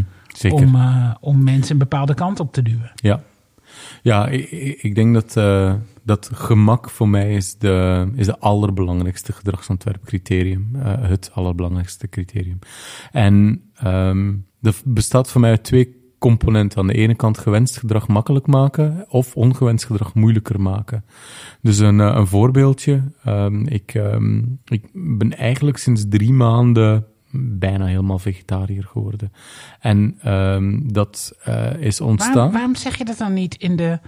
In de in, ik heb nog gevraagd: heb je dieetwensen? Oh. En dan. Ja, Dat zit nog niet in je gewoonte. nee, precies. Dat zit nog niet in mijn Ah, ja, gewoonte. om dan vriendelijk te vragen, ehm, pas je aan, want ik ben een vegetariër. Oh ja, dat dat vind ik we lastig. graag gedaan. Oh, oké. ja. Maar ehm, ja, dus je bent vegetariër geworden? ja, en eigenlijk eh, eh, is, dat, is dat op een heel simpele BJ Fogg manier tot stand gekomen. Namelijk, eh, Astrid zei op een bepaald moment van, kijk, als je het echt wil, dan gaan we vanaf nu elk weekend op zondag naar de Jumbo Versmarkt. En we gaan recepten kopen voor heel de week die alleen maar vegetarisch zijn. Ja. En ons, ons kopen voor de lunch, voor Sue, vanaf nu ook geen vlees meer. En na twee weken keek ik naar mezelf en zeg van, hey, ik ben al twee weken vegetariër. Oh, nu Best ben- wel makkelijk. Ja, best makkelijk. En toen, toen was het geen enkel punt meer. Dus met andere woorden, ehm, ability was, was heel hoog. Eh, ik heb het, het, we hebben het gewenste gedrag heel makkelijk gemaakt. Eén keer inkopen. Eh, het ongewenst gedrag onmogelijk gemaakt. Ja, er is, geen, ook- er is geen vlees in huis. Ja. Eh, en, en dus een goede vriend van mij, die is intussen... ehm, eh, hij is op weg om 50 kilo af te vallen. Hij is in twee maanden 15 kilo kwijt. En eh, zijn, zijn dieet is gewoon heel simpel. Hij, hoe heet het? Intermittent fasting. Oh ja. Zij eet alleen tussen 6 en 8 s'avonds. En, eh, en de kilo's vliegen er gewoon af. Hij Hij zegt eet alleen tussen zes en acht Ja. avonds. en, en ja, voor iemand die van 150 kilo komt, is best wel, eh, Ja. best wel pittig. Maar zegt hij. En hij- ik vond het geniaal wat hij erover zei. Hij is ook niet voor niets een heel goede eh, UX'er en gedragsontwerper. Zegt hij: Ik moet eigenlijk maar één beslissing nemen, zegt hij. En dat is gewoon niet eten tussen dit en dit tijdstip. Zegt hij: Alle andere diëten die bestaan uit heel veel moeilijke keuzes. Eh, mag ik dit wel eten? Mag ik dit niet combineren? Hoeveel calorieën moet ik hebben? Zegt hij, dit is niet vol te houden. Ja. Maar ik moet maar één keuze maken tijdens de dag en dat is gewoon niet eten. En dus hij, ik zit ook dan op die gemaksas na te denken. Oh ja, als er lunch is waar ik zit, dan ga ik niet aan tafel mee lunchen. Dan doe ik wel even een wandeling en ga ik een audioboek opzetten. En op die manier maakt hij het voor zichzelf makkelijk. Zegt hij, ik heb twee dagen lastig gehad en nu zit het in mijn systeem. Goed zeg. Ja.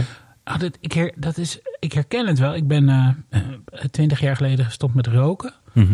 En toen dacht ik, ik moet één ding doen. Ik moet gewoon nu besluiten nooit meer te roken. Ja. En dan is het klaar. Ja. Want dan hoef ik niet, als iemand zegt, wil je een sigaret zeggen? Ja, ik ben nog aan het minderen of aan het... dus, eh, dus door dat grijze gebied helemaal te ontlopen, Ja, was het ook te doen. Want ik dacht, hé, ik ben vanaf nu een niet-roker. ja, Eh, ik doe dat niet meer en ik hoef er ook niet meer over na te denken. En dat is, werkt ook heel erg. absoluut. En dit is, een, dit, dit is wat slim. Dit is eigenlijk echt hetzelfde. Je, je reduceert het aantal frictiemomenten. Ja.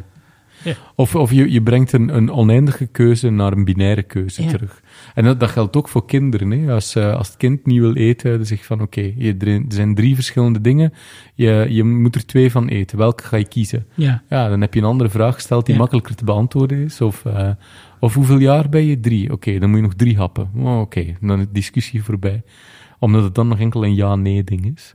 Ehm, en eh, en dat dat is echt het grote geheim En je van... duwt van mensen in een frame van dat dit de drie opties zijn waaruit je moet Ja, kiezen. precies. Want het kind kan ook zeggen: nee, wat ik wel wil is de chocola die in de la ligt. En Ja, niet, ja, ja, ja, ja. ja maar absoluut. Maar, maar dit illustreert dat behavioral design is, is het werken met het snappen van keuzepsychologie. Ja. Dus eigenlijk klinkt als iets super fundamenteels. Ja, zeker. Eh, iets wat je eigenlijk op school zou moeten leren. ja. O- Of niet? ja, zeker. zeker. Eh, e- e- ja, als ik je denk erover in de laatste jaren van de middelbare school. Want ik denk dat je het wel alle ouders ontzettend lastig maakt. die heel veel van dit soort principes toepassen op hun kinderen in opvoeding. Als je kinderen alle mechanismes te vroeg leert. Ik denk niet dat, dat, dat we onszelf daarmee een plezier doen. denk je wel? Ja, ik... ik uh, Ik, mijn, mijn elfjarige die kan ik nog als een soort guinea pig voor experimenten gebruiken. Die driejarige gebruikt ons als guinea oh, ja, pigs. Ja, ja. ja, dus um, ja. Nee, maar het klinkt ook alsof um, hè, dit soort dingen... Uh, uh, dit soort dingen horen bij uh, de essentiële vaardigheden van het leven. Misschien wel om te weten ja. hoe, je, hoe je, je met je eigen gedrag, ongewenste gedrag om kunt gaan. En wat daar de simpele tools voor zijn. En omgekeerd, hoeveel keuzes er zorgvuldig ontworpen zijn, zodat jij ja. een bepaalde beslissing ja. neemt die niet onzakelijk de beste is. Ja. Ik denk dat, uh, ja, als je, als je erover nadenkt, is van uh, de, de, de, de meerderheid van al onze uh, communicatieuitingen in een dag zijn erop gericht om anderen te beïnvloeden, de ander te beïnvloeden. Of dat nu onze partner is of onze professionele omgeving of klanten. En, uh, en, en, en de overgrote meerderheid van onze dag zijn we bezig met beslissingen te nemen. En over beide domeinen worden we eigenlijk niet, niet opgeleid. Dus ik denk zeker een, uh, ik weet niet in hoeverre school daar maar ik denk dat het wel een soort levenswijsheid is die, uh, die fundamenteel is. Er is natuurlijk wel heel veel verschenen de afgelopen jaren. Denk, eh, dat boek van Kahneman is niet voor niks. Nee. Gewoon ook heel erg een populair wetenschappelijk boek geworden. Niet alleen omdat het natuurlijk ook ontzettend leuk is om te lezen. Ja. Maar ik denk dat we ook wel collectief een soort honger hebben om die ja. lacune in onze kennis aan te vullen. We voelen allemaal wel af dat er aan, denk ik intuïtief, dat er nog heel veel te, te leren en te ontdekken valt. Ja. ja, zeker omdat we door de professionele exploitatie van ons onvermogen om goede keuzes te maken, ja, steeds meer to toch maar eens willen beter begrijpen wat er aan de hand is. Ja, nog heel even over dingen makkelijker maken. Ja. Ik heb, en dat is uh, puur intuïtief, dat heb ik niet, uh, daar geen enkele onderbouwing voor gelezen, maar ik heb of misschien heb ik ooit wat ik weet niet. Maar ik heb ook het idee dat als je moeite doet voor iets als mens, dat het een grotere indruk Hè, dus Ja. uh, uh, als je gaat wandelen en je gaat een hoge berg opwandelen en je bent daar de hele dag intensief mee bezig, dan, dan is de herinnering aan dat moment Ja. is eh, sterk en ook positief, want je hebt iets overwonnen en er moeite voor gedaan. En dus frictie in ons leven Ja. is op een andere manier ook heel erg goed. Dus je kan zeggen, de ene kant kun je natuurlijk dingen makkelijk maken, Hm. maar volgens mij ontdoe je ze ook wel van betekenis daardoor. Ah, ja, absoluut. Is dat, is dat van een, een Dus rare is de gedachte van mij? kant. Of uh, is, is er, is, uh, Dus de snijdt het ook hout? Draait het, eh, draait het heel vaak om dingen makkelijker maken. Maar wat haal je daarmee weg? Wat heel waardevol Nou is. ja, dus Ja. uh, een Ja, heel concreet voorbeeld is nu Ja. met, zou maar zeggen, de Netflix en de Spotify's. Het oneindige amusement altijd Ja. daar is. Is de waarde daarvan Ja. natuurlijk ook verminderd. Ja, absoluut. Je, je hebt niet hoeven wachten op die nieuwe aflevering. Hè? Dat is ook zo leuk. Alle streaming videodiensten beginnen toch weer druppelsgewijs dingen te lanceren. Ja. Omdat je dan de verwachting er naartoe kan opbouwen. En dat dat toch wel onderdeel is van de beleving. Ja. In, die, in, die, in die cd die je helemaal grijs draaide. waar Je met de teksten mee zat te lezen. Ja, ja. achter En dat was, en dat was Weet ook je omdat nog, je... twintig jaar geleden. Ja, dat was was ook omdat je er geen honderd had. En Ja. daar kon je ook niet betalen ook. En dus had het extreem veel waarde, dat ene singeltje dat je kon... Nee, nou ja, maar hè, dat. Ja. Ja. Ja, ik, ik denk dat het echt een. eh, dat het absoluut waar is. Dat alle dingen die, die eh, vol van betekenis zijn in het leven, dingen zijn die moeite en inspanning kosten. Er is een interessante eh, psycholoog, die tot, tot Kashdan, en die ehm, heeft allerlei eh, onderzoek gedaan rond eh, geluk. En wat, die, wat, wat zijn, zijn argumentatie is, is dat ehm, een van de allerbelangrijkste pijlers voor het leven van een gelukkig leven is het kunnen najagen van nieuwsgierigheid. En zijn, de redenering is van hoe meer je eh, nieuwsgierigheid kan achteraan jagen, hoe meer je nieuwe dingen meemaakt, nieuwe mensen leert kennen, dingen overwint, eh, dingen leert, eh, succesjes begint te ervaren. En ehm, dus, dus eigenlijk ge- het abstracte, de abstracte emotie geluk valt eigenlijk terug te brengen tot een heel simpel gedrag namelijk nieuwsgierigheid achteraan jagen. En um, als je, ja, als je, als je, het is in relatie tot, tot wat jij net zei, ik ben het even kwijt. CD? Of de Ja, moeite eh, ja de CD? en, en de moeite doen voor dingen, is dat, dat daardoor juist letterlijk het, het, ehm, het, het moeite moeten doen voor iets, zorgt ervoor dat je, dat je niet valt voor, de, voor, voor eigenlijk het, ehm, de instant gratification, het, het instant hier en nu consumeren van wat er, wat er letterlijk in je bek geduwd wordt, maar dat je, dat je liever gaat voor de keuze die van het uitgestelde genot. En het, de keuze voor het uitgestelde genot is altijd de, de, de, de beste. Degene waar dat een investering vergt. Degene waar, dat je, ehm, ja, waar dat je iets voor moet overwinnen. En dat, dat geldt eigenlijk voor alles in ons leven. En, daarom, vind ik, daarom vind ik de Freudiaanse psychoanalyse en, en in, in zijn slipstream de Lacaniaanse, die eigenlijk um, dan meer een soort uh, filosofische en linguïstische onderbouwing voor de Freudiaanse mm -hmm. analyse geven.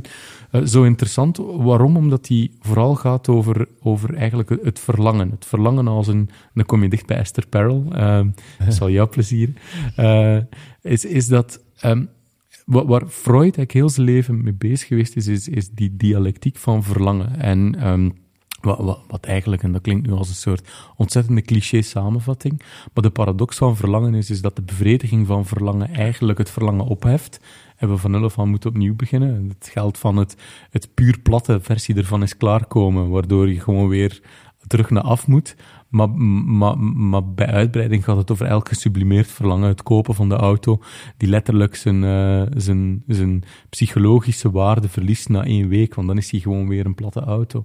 En, juist, en de microverlangens, het, het geliked worden precies, van een post. Het, ja, het zit hem totaal, echt van groot tot klein. Totaal, ja. totaal.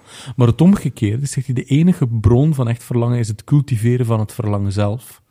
En uh, dus niet de, de bevrediging, maar het cultiveren van het verlangen. En dus wat zijn um, die lange wandelingen uh, of het proberen dat overwinnen van een berg? Wel, dat is een stukje het cultiveren van het verlangen om uiteindelijk over die berg heen te gaan. Ik heb ooit een marathon gelopen, dat was mijn midlife crisis ding. En ik moet zeggen dat, dat ik... Um, veel plezier ervaren heb in de weg er naartoe. Yeah. Terwijl dat die marathon zelf gewoon een voetnoot was. Uh, ik, ik, hoefde ook niet een, een, tijd, een tijd te doen. Dat boeide me voor geen meter. Ik had even goed met evenveel plezier willen afstappen op midden van de race. Daar ging het niet om. Maar het, hele, dat was fantastisch. Het, het, jaar dat dat je leven ja. heeft beheerst. Ja, en jezelf overwinnen. Moet... Absoluut. Ja. Absoluut. En ik vermoed dus met alle positieve keuzes in je leven gaat een stukje over cultiveren van verlangen. Um, het proberen, uh, ja, verlangend, een verlangend iemand zijn. Te, te, blijven ook, of zo. Ja. Niet, het niet in te lossen misschien. Nee, precies. Dat is denk ik ook de grote uitdaging van elke relatie. En dat is wat Esther Perel dan weer yep. uh, zegt. Ja, is dat, dat wanneer op een bepaald moment de afstand tussen beide partners gewoon verdwijnt, omdat alles ingevuld is, dan is er geen ruimte meer voor verlangen. En samen met dat gebrek aan ruimte voor verlangen ontstaat, ja, wat, wat zij heel mooi beschrijft, om, om, verdwijnt ook elke erotische, erotische drive en, en erotische ruimte. Nooit gedacht dat we hierop zouden uit. Nee, nee dat is leuk. Ja, ja. We, gaan van, van, van, van praktisch naar filosofisch en weer terug. En terug. Dat vind ja. ik heel leuk. Um, um, jij hebt, Laurens, uh, uh, omdat het ook weer eens tijd was om het nog even over een boek te hebben. Ja. Uh, jij hebt The Hacking of the American Mind gelezen. Ja. Met als spannende ondertitel The Science Behind the Corporate Takeover of Our Bodies and Brains. Ja. Dat is misschien wel toepasselijk, of niet? Ja, dat dacht ik ook, ja. Uh, het is inderdaad The Hacking of the American Mind van Robert Lustig. Robert Lustig. Ja, precies. Uh, Bertje Lustig. Lustig. en um, hij is uh, een... Uh, ken je dat boek, nee, Tom? Nee, het, het, ziet er heel fascinerend uit, maar ken ja, het, het, het is van... Robert Lustig is een neuroendocrinoloog. En hoogleraar in van alles en nog wat. Uh, kan je dat zijn? Hoogleraar in van alles en nog wat? Hij, dit was te veel om op te noemen. Oh, ja, hij okay. is ook nog heel lang kinderarts geweest. En hij is vooral heel erg beroemd geworden, bekend geworden en ervaring opgedaan met het onderzoek uh, naar uh, tussen, tussen suiker en, en obesitas. Mm. Oh, ja. Dus hij heeft heel lang met uh, veel te dikke kinderen gewerkt en daar allerlei onderzoek naar kunnen doen. Nou, en voor mij was het een, een hele, vooral de ondertitel was heel spannend. Yeah. De, the science behind the corporate takeover of our bodies and brains. Um, en ik kreeg het ook nog eens van een bekende, van een uh, bevriende filosoof. Um, dus het had voor mij een aantal hele uh, interessante uh, beloftes. En ik zag het boek eigenlijk als, nou misschien heb, heb ik hier wel de soort van alles overkoepelende neurologische verklaring voor alle problemen waar we op dit moment mee kampen. Jij bent ook altijd op zoek naar ja, de Grand is Unifying tuurlijk. Theory of Everything, Ja. toch? Ja. Voormalig, eh, en ik ben voormalig Calvinist, hè, dus dat moet je. En eh, dus ik dacht, ja, smartphoneverslaving, dark patterns, unethical design en Booking.com bijvoorbeeld. Dat, daar zit vast allemaal een hele diepe neurologische, neurochemische verklaring achter. Die ga ik nu ontdekken. Nou, en die belofte wordt meteen al aardig ingelost in het boek als ik eh, de eerste helft neem. Lustig zegt eigenlijk, er is een, ehm, een enorme crisis in onze cultuur. En ehm, eh, we zijn namelijk zowel eh, ongelukkig als ehm, obese. We zijn, we zijn zwaarder dan ooit en we zijn ongelukkiger dan ooit. En tussen die twee is, is een relatie. En eh, da- dat is een heel interessant eh, stuk. Da- Dat is, eh, daar heeft hij een, echt iets heel interessants bij de kop. Dus hij, hij begint over alle metabole ziekten. die, die enorm in opkomst zijn en die, al, die eigenlijk 90% van al onze gezondheidskosten opeisen. En dus het gaat over hoge bloeddruk en diabetes en kanker en dementie. En daar rekent hij daar ook bij. Nou, ehm, eh, waar heeft het nou allemaal mee te maken? Het heeft te maken met ehm, wat hij eh, zegt. Het gaat over de verwarring tussen geluk en plezier. Dus pleasure en happiness. En ehm, eh, die twee zijn, zijn systematisch door elkaar gehaald. Eh, en dat zit heel erg diep. Dat zit heel erg diep in onze maatschappij. Zit, dat zit in heel erg veel dingen. Dus ehm, het zit bijvoorbeeld in, het zit bijvoorbeeld in, in reclame. Als je kijkt naar Coca-Cola, die zeggen bijvoorbeeld de campagne van Coca-Cola was open happiness. En je opent een blikje Coca-Cola en dan open je eh, geluk. Maar je opent Maar- eigenlijk bevrediging. Ja, opent plezier. Je opent Ja, geen geluk. En het zit dus, als je erover na gaat denken, het zit heel, het zit heel diep. Dus ook zoiets als happy hour. Hè? Dus eh, daar, daar, een uur heel veel alcohol drinken, daar word je gelukkig van. Dat wordt ons, zo wordt het ons aangesmeerd. Ehm, eh, het, gaat, het gaat heel ver. En hij, ik heb een fragmentje eh, even laten horen waarin hij zelf uitlegt. Hij zegt dus: Het is zo ver weg geraakt, dat onderscheid, dat we het opnieuw moeten uitleggen. En eh, in dit fragmentje legt hij even uit in zeven punten wat het verschil is tussen plezier en geluk. So, there are seven differences between pleasure and happiness. What are they? I'm dying to know. All right, ready? Number one pleasure is short lived, happiness is long lived. Two, pleasure is visceral, you feel it in your body. Happiness is ethereal, you feel it above the neck. Number three, pleasure is taking, happiness is giving.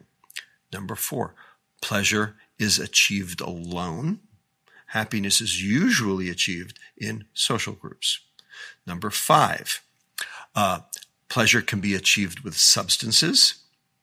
Happiness cannot be achieved with substances. Number six, the extremes of pleasure. Now, whether it be substances or behaviors, so substances like cocaine, heroin, nicotine, alcohol, sugar, all the stuff that does bad stuff to your brain, as you've shown, And to your families. and your families, or behaviors, shopping, gambling, internet gaming, social media, pornography. Those are all behaviors. There's an aholic after every one of those because ex- excess of any of those hedonic substances or behaviors leads to addiction. So we have shopaholic, alcoholic, chocoholic, sexaholic, etc., and right down the line. Whereas you can't overdose on too much happiness. And number seven, the reason for the book pleasure is dopamine, happiness is serotonin. En, en dat is dus, ehm, hè, dus dat laatste is eh, de kern van de rest van het boek. Ehm, Dopamine versus serotonine. ja, op zich niet iets, eh, iets nieuws. Dat, dat heb ik wel eens vaker langs zien komen. Maar hij gaat als eh neuroendocrinoloog daar heel diep op in. En ehm, dat, dat, is, dat is echt ontzettend interessant. Nog één voorbeeldje van, van hoe diep die, die verwarring zit tussen, ehm, tussen geluk en plezier. Het gaat bijvoorbeeld ook over simpele dingen als hoe wij denken over het huwelijk. Eh dan wordt er heel vaak gedacht, dat wordt heel vaak verward met een bruiloft. Ehm, de bruiloft gaat over één dag. Het gaat iets over iets heel Plezier. vleeselijks. Ja, ja. Oh, de wedding. wow, wow. Maar dat is dus niet een huwelijk, dat is een bruiloft. En een huwelijk gaat over een heel leven. Ehm, en dus het, het, gaat, het, gaat heel veel, het zit in heel veel dingen. Eh en van spreken ook in dat we liever naar eh, het weer kijken dan naar eh, klimaatverandering. De korte termijn versus lange termijn. Nou, en dat, dat, dat serotonine versus dopamine, dat gaat hij enorm diep op in. En dat is super interessant. Dus het gaat over een beloningspathway, een eh, reward pathway, een beloningsbaan en een tevredenheidsbaan, neurologisch gezien.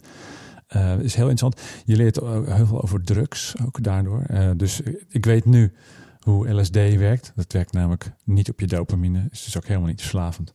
Maar op de, Eh, ah ja. en eh, werkt op je serotonine. Ehm, en eigenlijk, ja, waar je achter komt, dat eigenlijk alles is neurochemie.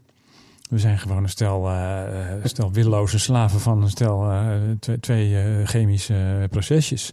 Ja, en nou suggereert de titel, The Hacking of the American Mind, dat we, dat we gemanipuleerd worden. Omdat het behind the corporate takeover of our bodies and brains. eh, is het alleen maar om het boek te doen laten verkopen? Of zit daar ook nog een.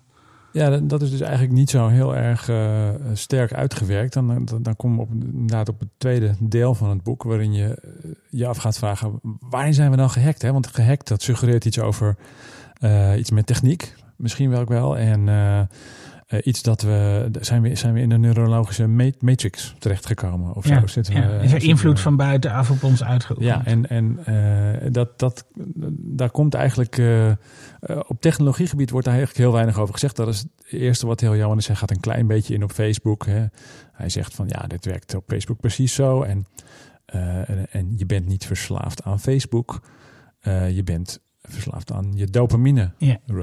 En hè, dus het, het, het verschil tussen dopamine en serotonine is dat dopamine werkt, eh, werkt downregulating, noemt hij dat. Dus als je er eh, hoe meer dopamine je hebt, hoe meer die cellen zich gaan beschermen daartegen, waardoor Ah, ja. je iedere keer meer nodig hebt.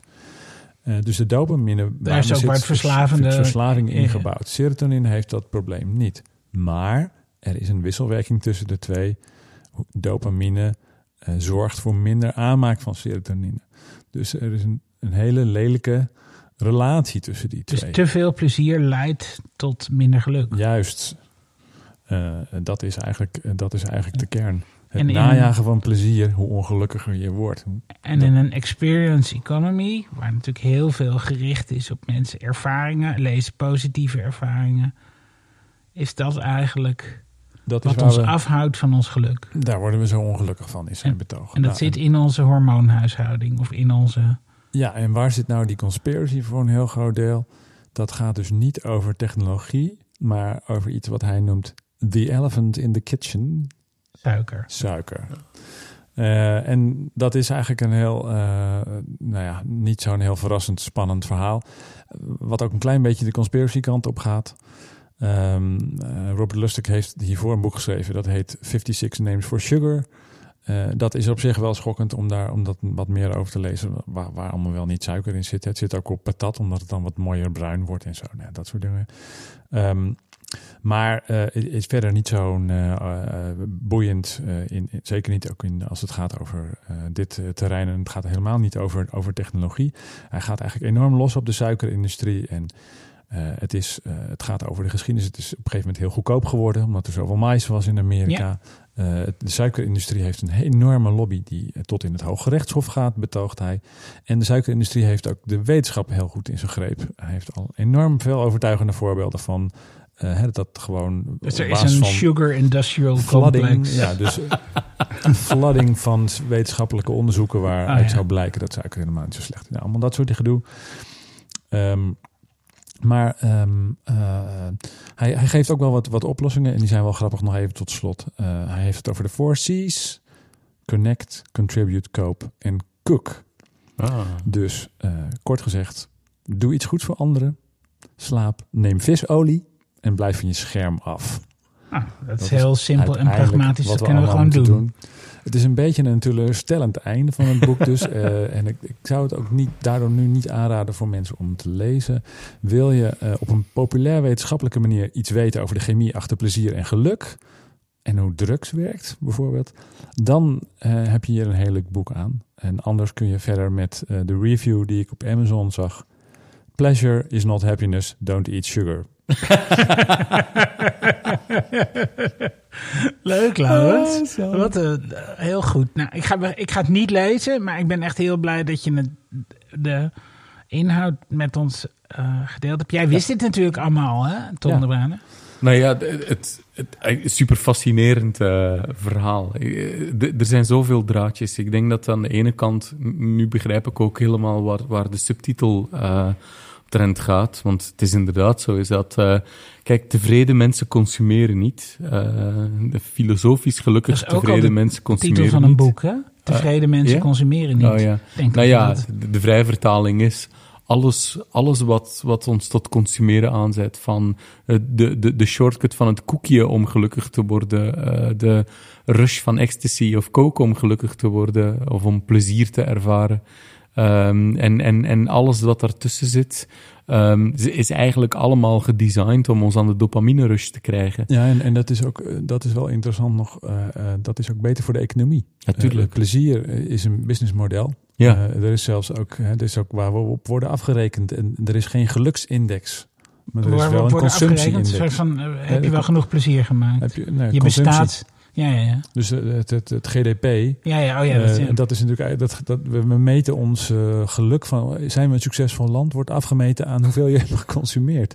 Dus hij zegt eigenlijk dat is dat is eh, dat gaat puur is al over dat plezier en niet over geluk. Er is geen geluksindex waar de economie op draait. Dus het is, een, het is ook gewoon puur een kapitalistisch principe. Dat is Ja. eigenlijk de bottom line. oh, hij komt neer zo van, fuck geluk, dat, dat werkt niet voor het kapitalisme. Nee, dat, Ja. heeft, eh, dat daar kan je niks mee verdienen. Het verslaaft ook niet. Maar, de- maar de, de dingen die hij aanhaalt, die, vier C's, is dat inderdaad, daar kom je bijna op, op het, eh, wat is de zin van het leven? Ja, is uiteindelijk eh betekenisvol... Visolie slikken. Visolie slikken en betekenisvolle relaties eh, hebben met anderen. Ja. Al de rest is eigenlijk volstrekt irrelevant. Ja, en kook, hè, dus kook voor jezelf. Oh ja, ja, ja, Dus, zeker. dat is... eh, Omdat je dan controle hebt op wat erin gaat? Is dat... ja, eh, ja, ja, ja. Ook het verbindende van koken is, is, is ook super. Dat is ook nog Denk ik ook, ja. Ja. Overigens, het, het- een andere aanra twee aanraders op dat vlak is eh, How to Change Your Mind van Michael Pollan. Eh 60 jaar onderzoek in de werking van LSD en wat dit vertelt over hoe onze hersenen werken. Ehm, ja, waanzinnig fascinerend boek. Het vertelt evenveel over ehm, de bijzondere wereld van LSD en van fungi, eh, eh, als over wat vertelt dit over het brein. Ja. En Ben wat- je een psychonaut of niet? Nee, nee, nee, nee, nee, nee. Eh, nog niet. Ik zou wel eens LSD willen proberen, ja. Ehm, eh, al, al, ja, al was het maar puur uit nieuwsgierigheid over wat doet het met mijn perceptie van zelf, tijd en ruimte. Ja. Ehm, en een ander is het, ehm, het boek eh, ja, ja, Sapiens van Yuval Harari. En de manier waarop dat Sapiens eindigt met een eh, fantastisch pleidooi. Over geluk, hè? Ja, over geluk. En hoe zei dat de boeddhisme de, bijna de dichtste weg er naartoe is. Ja. Juist door, ehm, ja, door eigenlijk elke impuls eh, ook te zien als niks meer dan, dan een poging van je lijf om dopamine shots te krijgen. Ja, die je dus ook weer, kunt leren negeren. Ja, precies. Het cultiveren van het verlangen. Cultiveren van verlangen, komen we weer. Ja, dat is basically wat Boeddha zei. Eh, Ja. verlangen, eh, als je verlangen is het probleem. Ja, Eh, want zelfs als je hebt waar je naar verlangt, dan ben je weer bang dat je het kwijtraakt. Ja, ja, ja absoluut. Dus het, het hebben van iets wat je M- verlangt heeft geen, totaal geen zin. Maar, maar, maar wat wel het verschil is, en dat, dat vind ik dat wel weer een interessante, benieuwd hoe jullie daarnaar kijken, ehm, is dat met het boeddhisme, die zegt eigenlijk niet alleen het cultiveren van het verlangen, maar eigenlijk het liefst van al het, het stilleggen van het verlangen. Eh, Ja. Terwijl dat... dat Uitschakelen bijna. Ja. ja. en, en ik weet niet of ik daar... Misschien kan, kan het in sommige fases wel ook eens een leuk experiment zijn, maar ik vind an- anderzijds ook genieten van het verlangen zelf, vind ik, ehm, ja, vind ik evenzeer een, eh, een, een interessante route naar geluk. Gewoon het cultiveren van het verlangen zonder dat het bevrediging zoekt. Het, het moet wel, het, het klinkt, het klinkt dat- ongelooflijk stom om niet, niet, helemaal niks te verlangen. Saai ook. Hè? En, en, en, en, Hoe, hoe doe je ja. dat zelf? Dus om het, om, het, om het tastbaar te maken, zou ik maar zeggen? Ja, dat vind ik een lastige. Om jezelf dingen te beloven of om jezelf... Nee, nou, e- een van die, bijvoorbeeld die dingen, het feit dat, dat Astrid en ik elk, eh, elke maand vier dagen weggaan, Ja. is een oefening in cultiveren van verlangen. Ja. Gewoon blij zijn en rijkhalsend naar uitkijken Ja. dat ze terug is. Ehm, Oh, ook van elkaar. Ja, Ja, ja, ja. Ja. Ja, Ja, absoluut. En misschien ook als je zelf aan de beurt bent om vier dagen weg te gaan, kun je ook verlangen naar even vier dagen voor jezelf hebben. Zeker, zeker, zeker. Ja. Kijk je evenzeer naar uit. Ja, wat ab- mooi. Absoluut, absoluut. Dus dan heb je elke maand heb je iets om naar uit te kijken, maar op een verschillende manier. Ja, behavioral design. Hey. Ja. Je ontwerpt het gedrag en de emotie volgt. Ja, dat is leuk. Je ontwerpt toegang tot een bepaalde emotie. Jeetje. Ik heb, eh, ik vind het, ik, ik denk dat we gewoon door kunnen naar alle positieve dingen die we bedacht hebben. Want ik, ik vind het wel echt, ik had niet gedacht dat we dit gesprek, ik denk we gaan het ook maar over praktische tips hebben en over nudging en over, ja, over het neer-eal-achtige domein. En het, het omgekeerde gebeurde en we eindigden toch weer bij hoe allemaal op ja, het het boeddhisme en de zin van het bestaan, het 42. geluk en dingen. Wel grappig, ja, 42. Ja, dat, eh, ja. Ehm, superleuk. Ehm, maar we eindigen altijd met eh, Ja. eh, eh, iets positiefs. wat je is opgevallen. En ehm, mag ik beginnen deze keer? Voor een keertje? Mag het? Go ahead. Ja, oké. Want ehm, eh, ik was namelijk helemaal niet zo positief. En dat kwam omdat ik las berichten over dat eh, we qua klimaatsverandering... eh, eh, de, de theorie van klimaatsverandering is dat er op een moment versterkende effecten optreden... en dat het dan allemaal veel sneller gaat. En toen las ik dat dat inmiddels gebeurd was.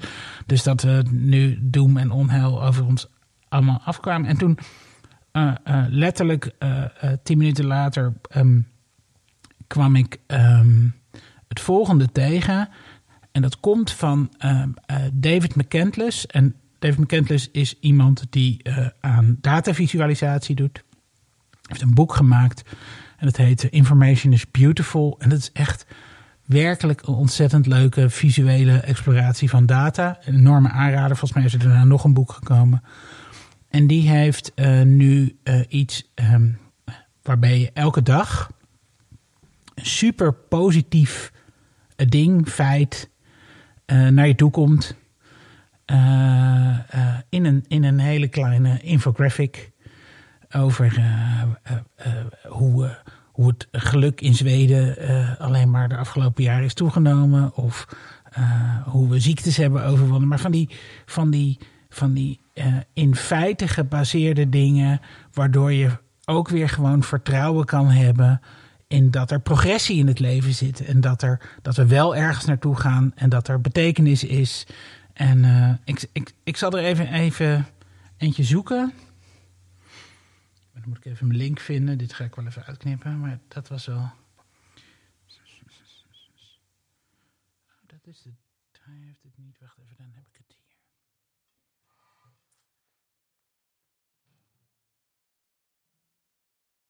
Zo. Moet even. Heeft hij niet gezinkt? Stom. Beautiful. Oké, en het heet, het heet eh, Beautiful News.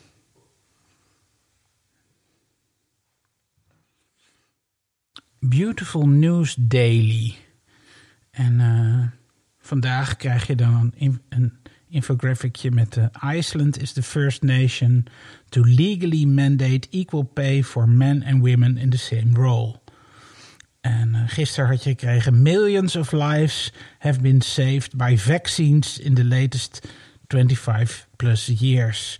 En dan zie je inderdaad hoe ziektes zijn afgenomen. Mooi grafiekje erbij. Allemaal prachtig vormgegeven. Dus het is, het, het is leuk op twee manieren. Het zijn kleine eye-candy dingen waar je misschien een kleine dopamine trigger van krijgt.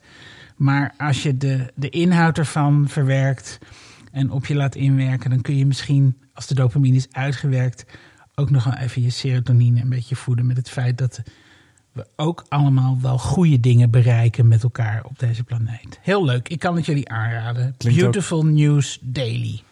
Klinkt een beetje als eh, Hans Rosling op Instagram. Ja, totaal. Dus eh, dat totaal. Oh ja, leuk. Ja. Superleuk. Hans ja, maar die is, Rosling op die is, die is, LSD. die is dood. Ja, dus die Dus, dus precies. David McCandless heeft gewoon die, die rol overgenomen. maar dan op een wat eigentijdsere Ja. manier. Ja. Leuk. Ja. En, eh nou, eh, ja, ja, ja, jij Laurens, wat Ja, jij... eh, Oké, ja. Eh, ik heb ehm, eh, ik kwam een eh, televisieprogramma tegen, heel ouderwets, eh, op het publieke omroep. Ehm, de kunst van het handhaven eh, binnen de serie De Boeddhistische Blik. Het is niet te geloven. Eh, dat, is- blijkbaar is de boeddhistische omroep opgegaan in de NCV, wist ik allemaal niet meer. Maar, eh, en die mogen af en toe een, een programma maken daarbinnen. Maar die maken hele leuke dingen. Eh, en het ging over ehm, politieagenten in Rotterdam. Die eh, samen met social designers eh, kijken hoe ze problemen kunnen aanpakken. En dat was echt zo ontzettend leuk. Eh, het, is een beetje, het waren een beetje mensen zoals Astrid Poot. Die we twee Ja. afleveringen geleden hebben gehad. Ehm, en eh, het waren helemaal niet, eh, net als Astrid waren helemaal niet eh, designers met, met hoornenbrillen en hippe kapsels, maar, maar gewoon ontwerpers heel, in hele praktische zin. En waar ik vooral van onder de indruk was, is waar, dat hoe open de politie stond voor dit soort mensen. Dat de politieagenten niet zeiden van, ja, dat- daar weten jullie helemaal niks van, dat snap jullie helemaal niet. Laat ons nou maar, want dat zijn hele moeilijke mensen, die moet je gewoon een schop geven. Of, of eh, die moet je gewoon eindeloos eh, langs gaan. Ze waren gewoon volledig open voor nieuwe ideeën. En, eh, En ze wat waren- gingen ze dan samen ontwerpen? Wat ja, gingen ze gingen dus. ehm, ze gingen bijvoorbeeld de hangjongeren in een portiek. Ah ja, ja, en, en, en hoe kunnen we die jongeren daar nou wegkrijgen? muziek van de Efteling draaien. Of de, in het straatstation, hè? de mosquito. Ja. Maar uiteindelijk gingen ze volgens mij toch gewoon een soort van deur ontwerpen daarin, bijvoorbeeld. Eh, die, eh, eh, wa- waardoor de jongeren daar überhaupt niet gingen hangen. En gingen ze weer iets anders bedenken, waardoor de jongeren ergens daardoor wel terecht konden. Maar ze hadden gewoon heel erg eh, outside the box oplossingen.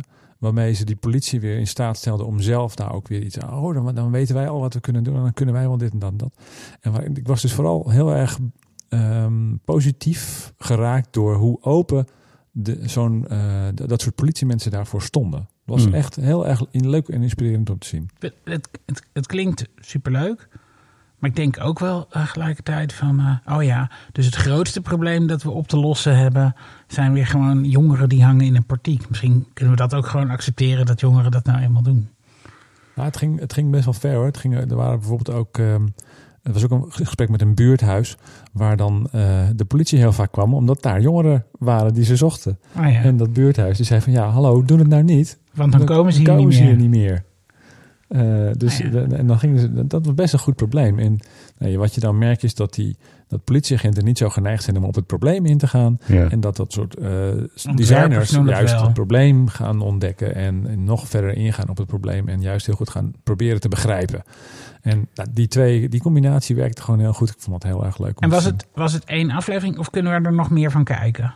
Is het een tip voor een serie? Of, eh, De Boeddhistische Blik is een serie, maar dit was een eenmalige aflevering. Oké. Het was eh, eh, op zondag 17 november voor wie het terug wil kijken. we typen nu de link in de show notes. Tom, laten we afsluiten met jouw ding wat je opgevallen is... waar je een positief gevoel bij kreeg. Ehm, ik, ik kwam deze week een, eh, een project, iemand stuurde mij dit door, een project van IDEO tegen. En dat ging over kansarme ouders. Die IDEO moest daar een, een oplossing voor ontwerpen om ervoor te zorgen dat ze hun eh, eh, ja, kinderen in die kwetsbare leeftijd van de eerste honderd dagen, dat ze die stimuleren.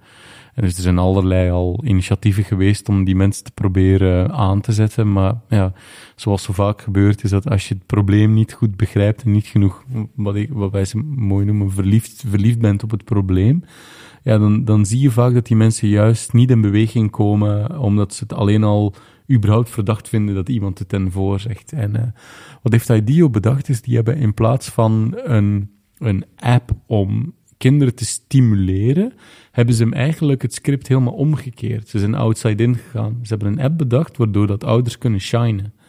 En uh, dat vond ik geniaal. Dat is echt uh, human-centered design, denk ik, uh, op zijn allerbest. Namelijk, hoe kunnen we eigenlijk altijd proberen te appelleren aan het, aan het egoïstische motief van degene waarvoor we ontwerpen, zelfs als we altruïstisch gedrag willen ontwerpen.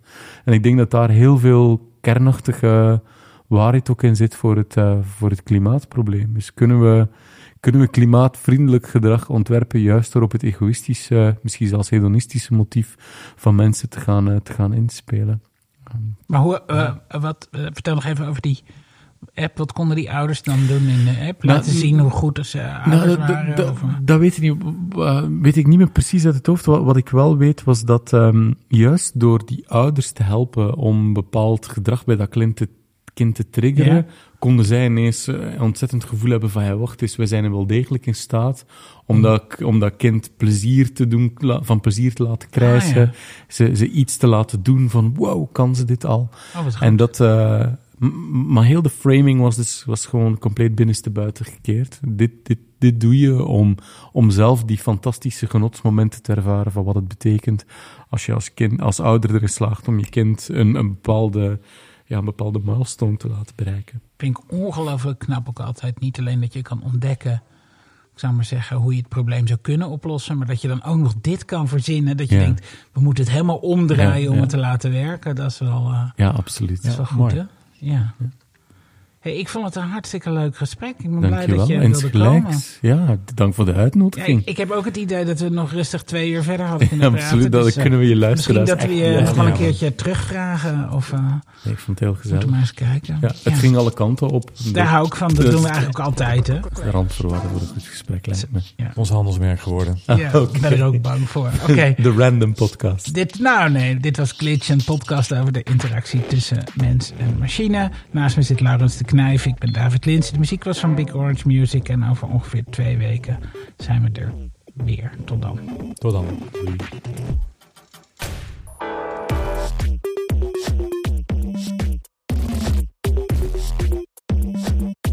Glitch. Glitch.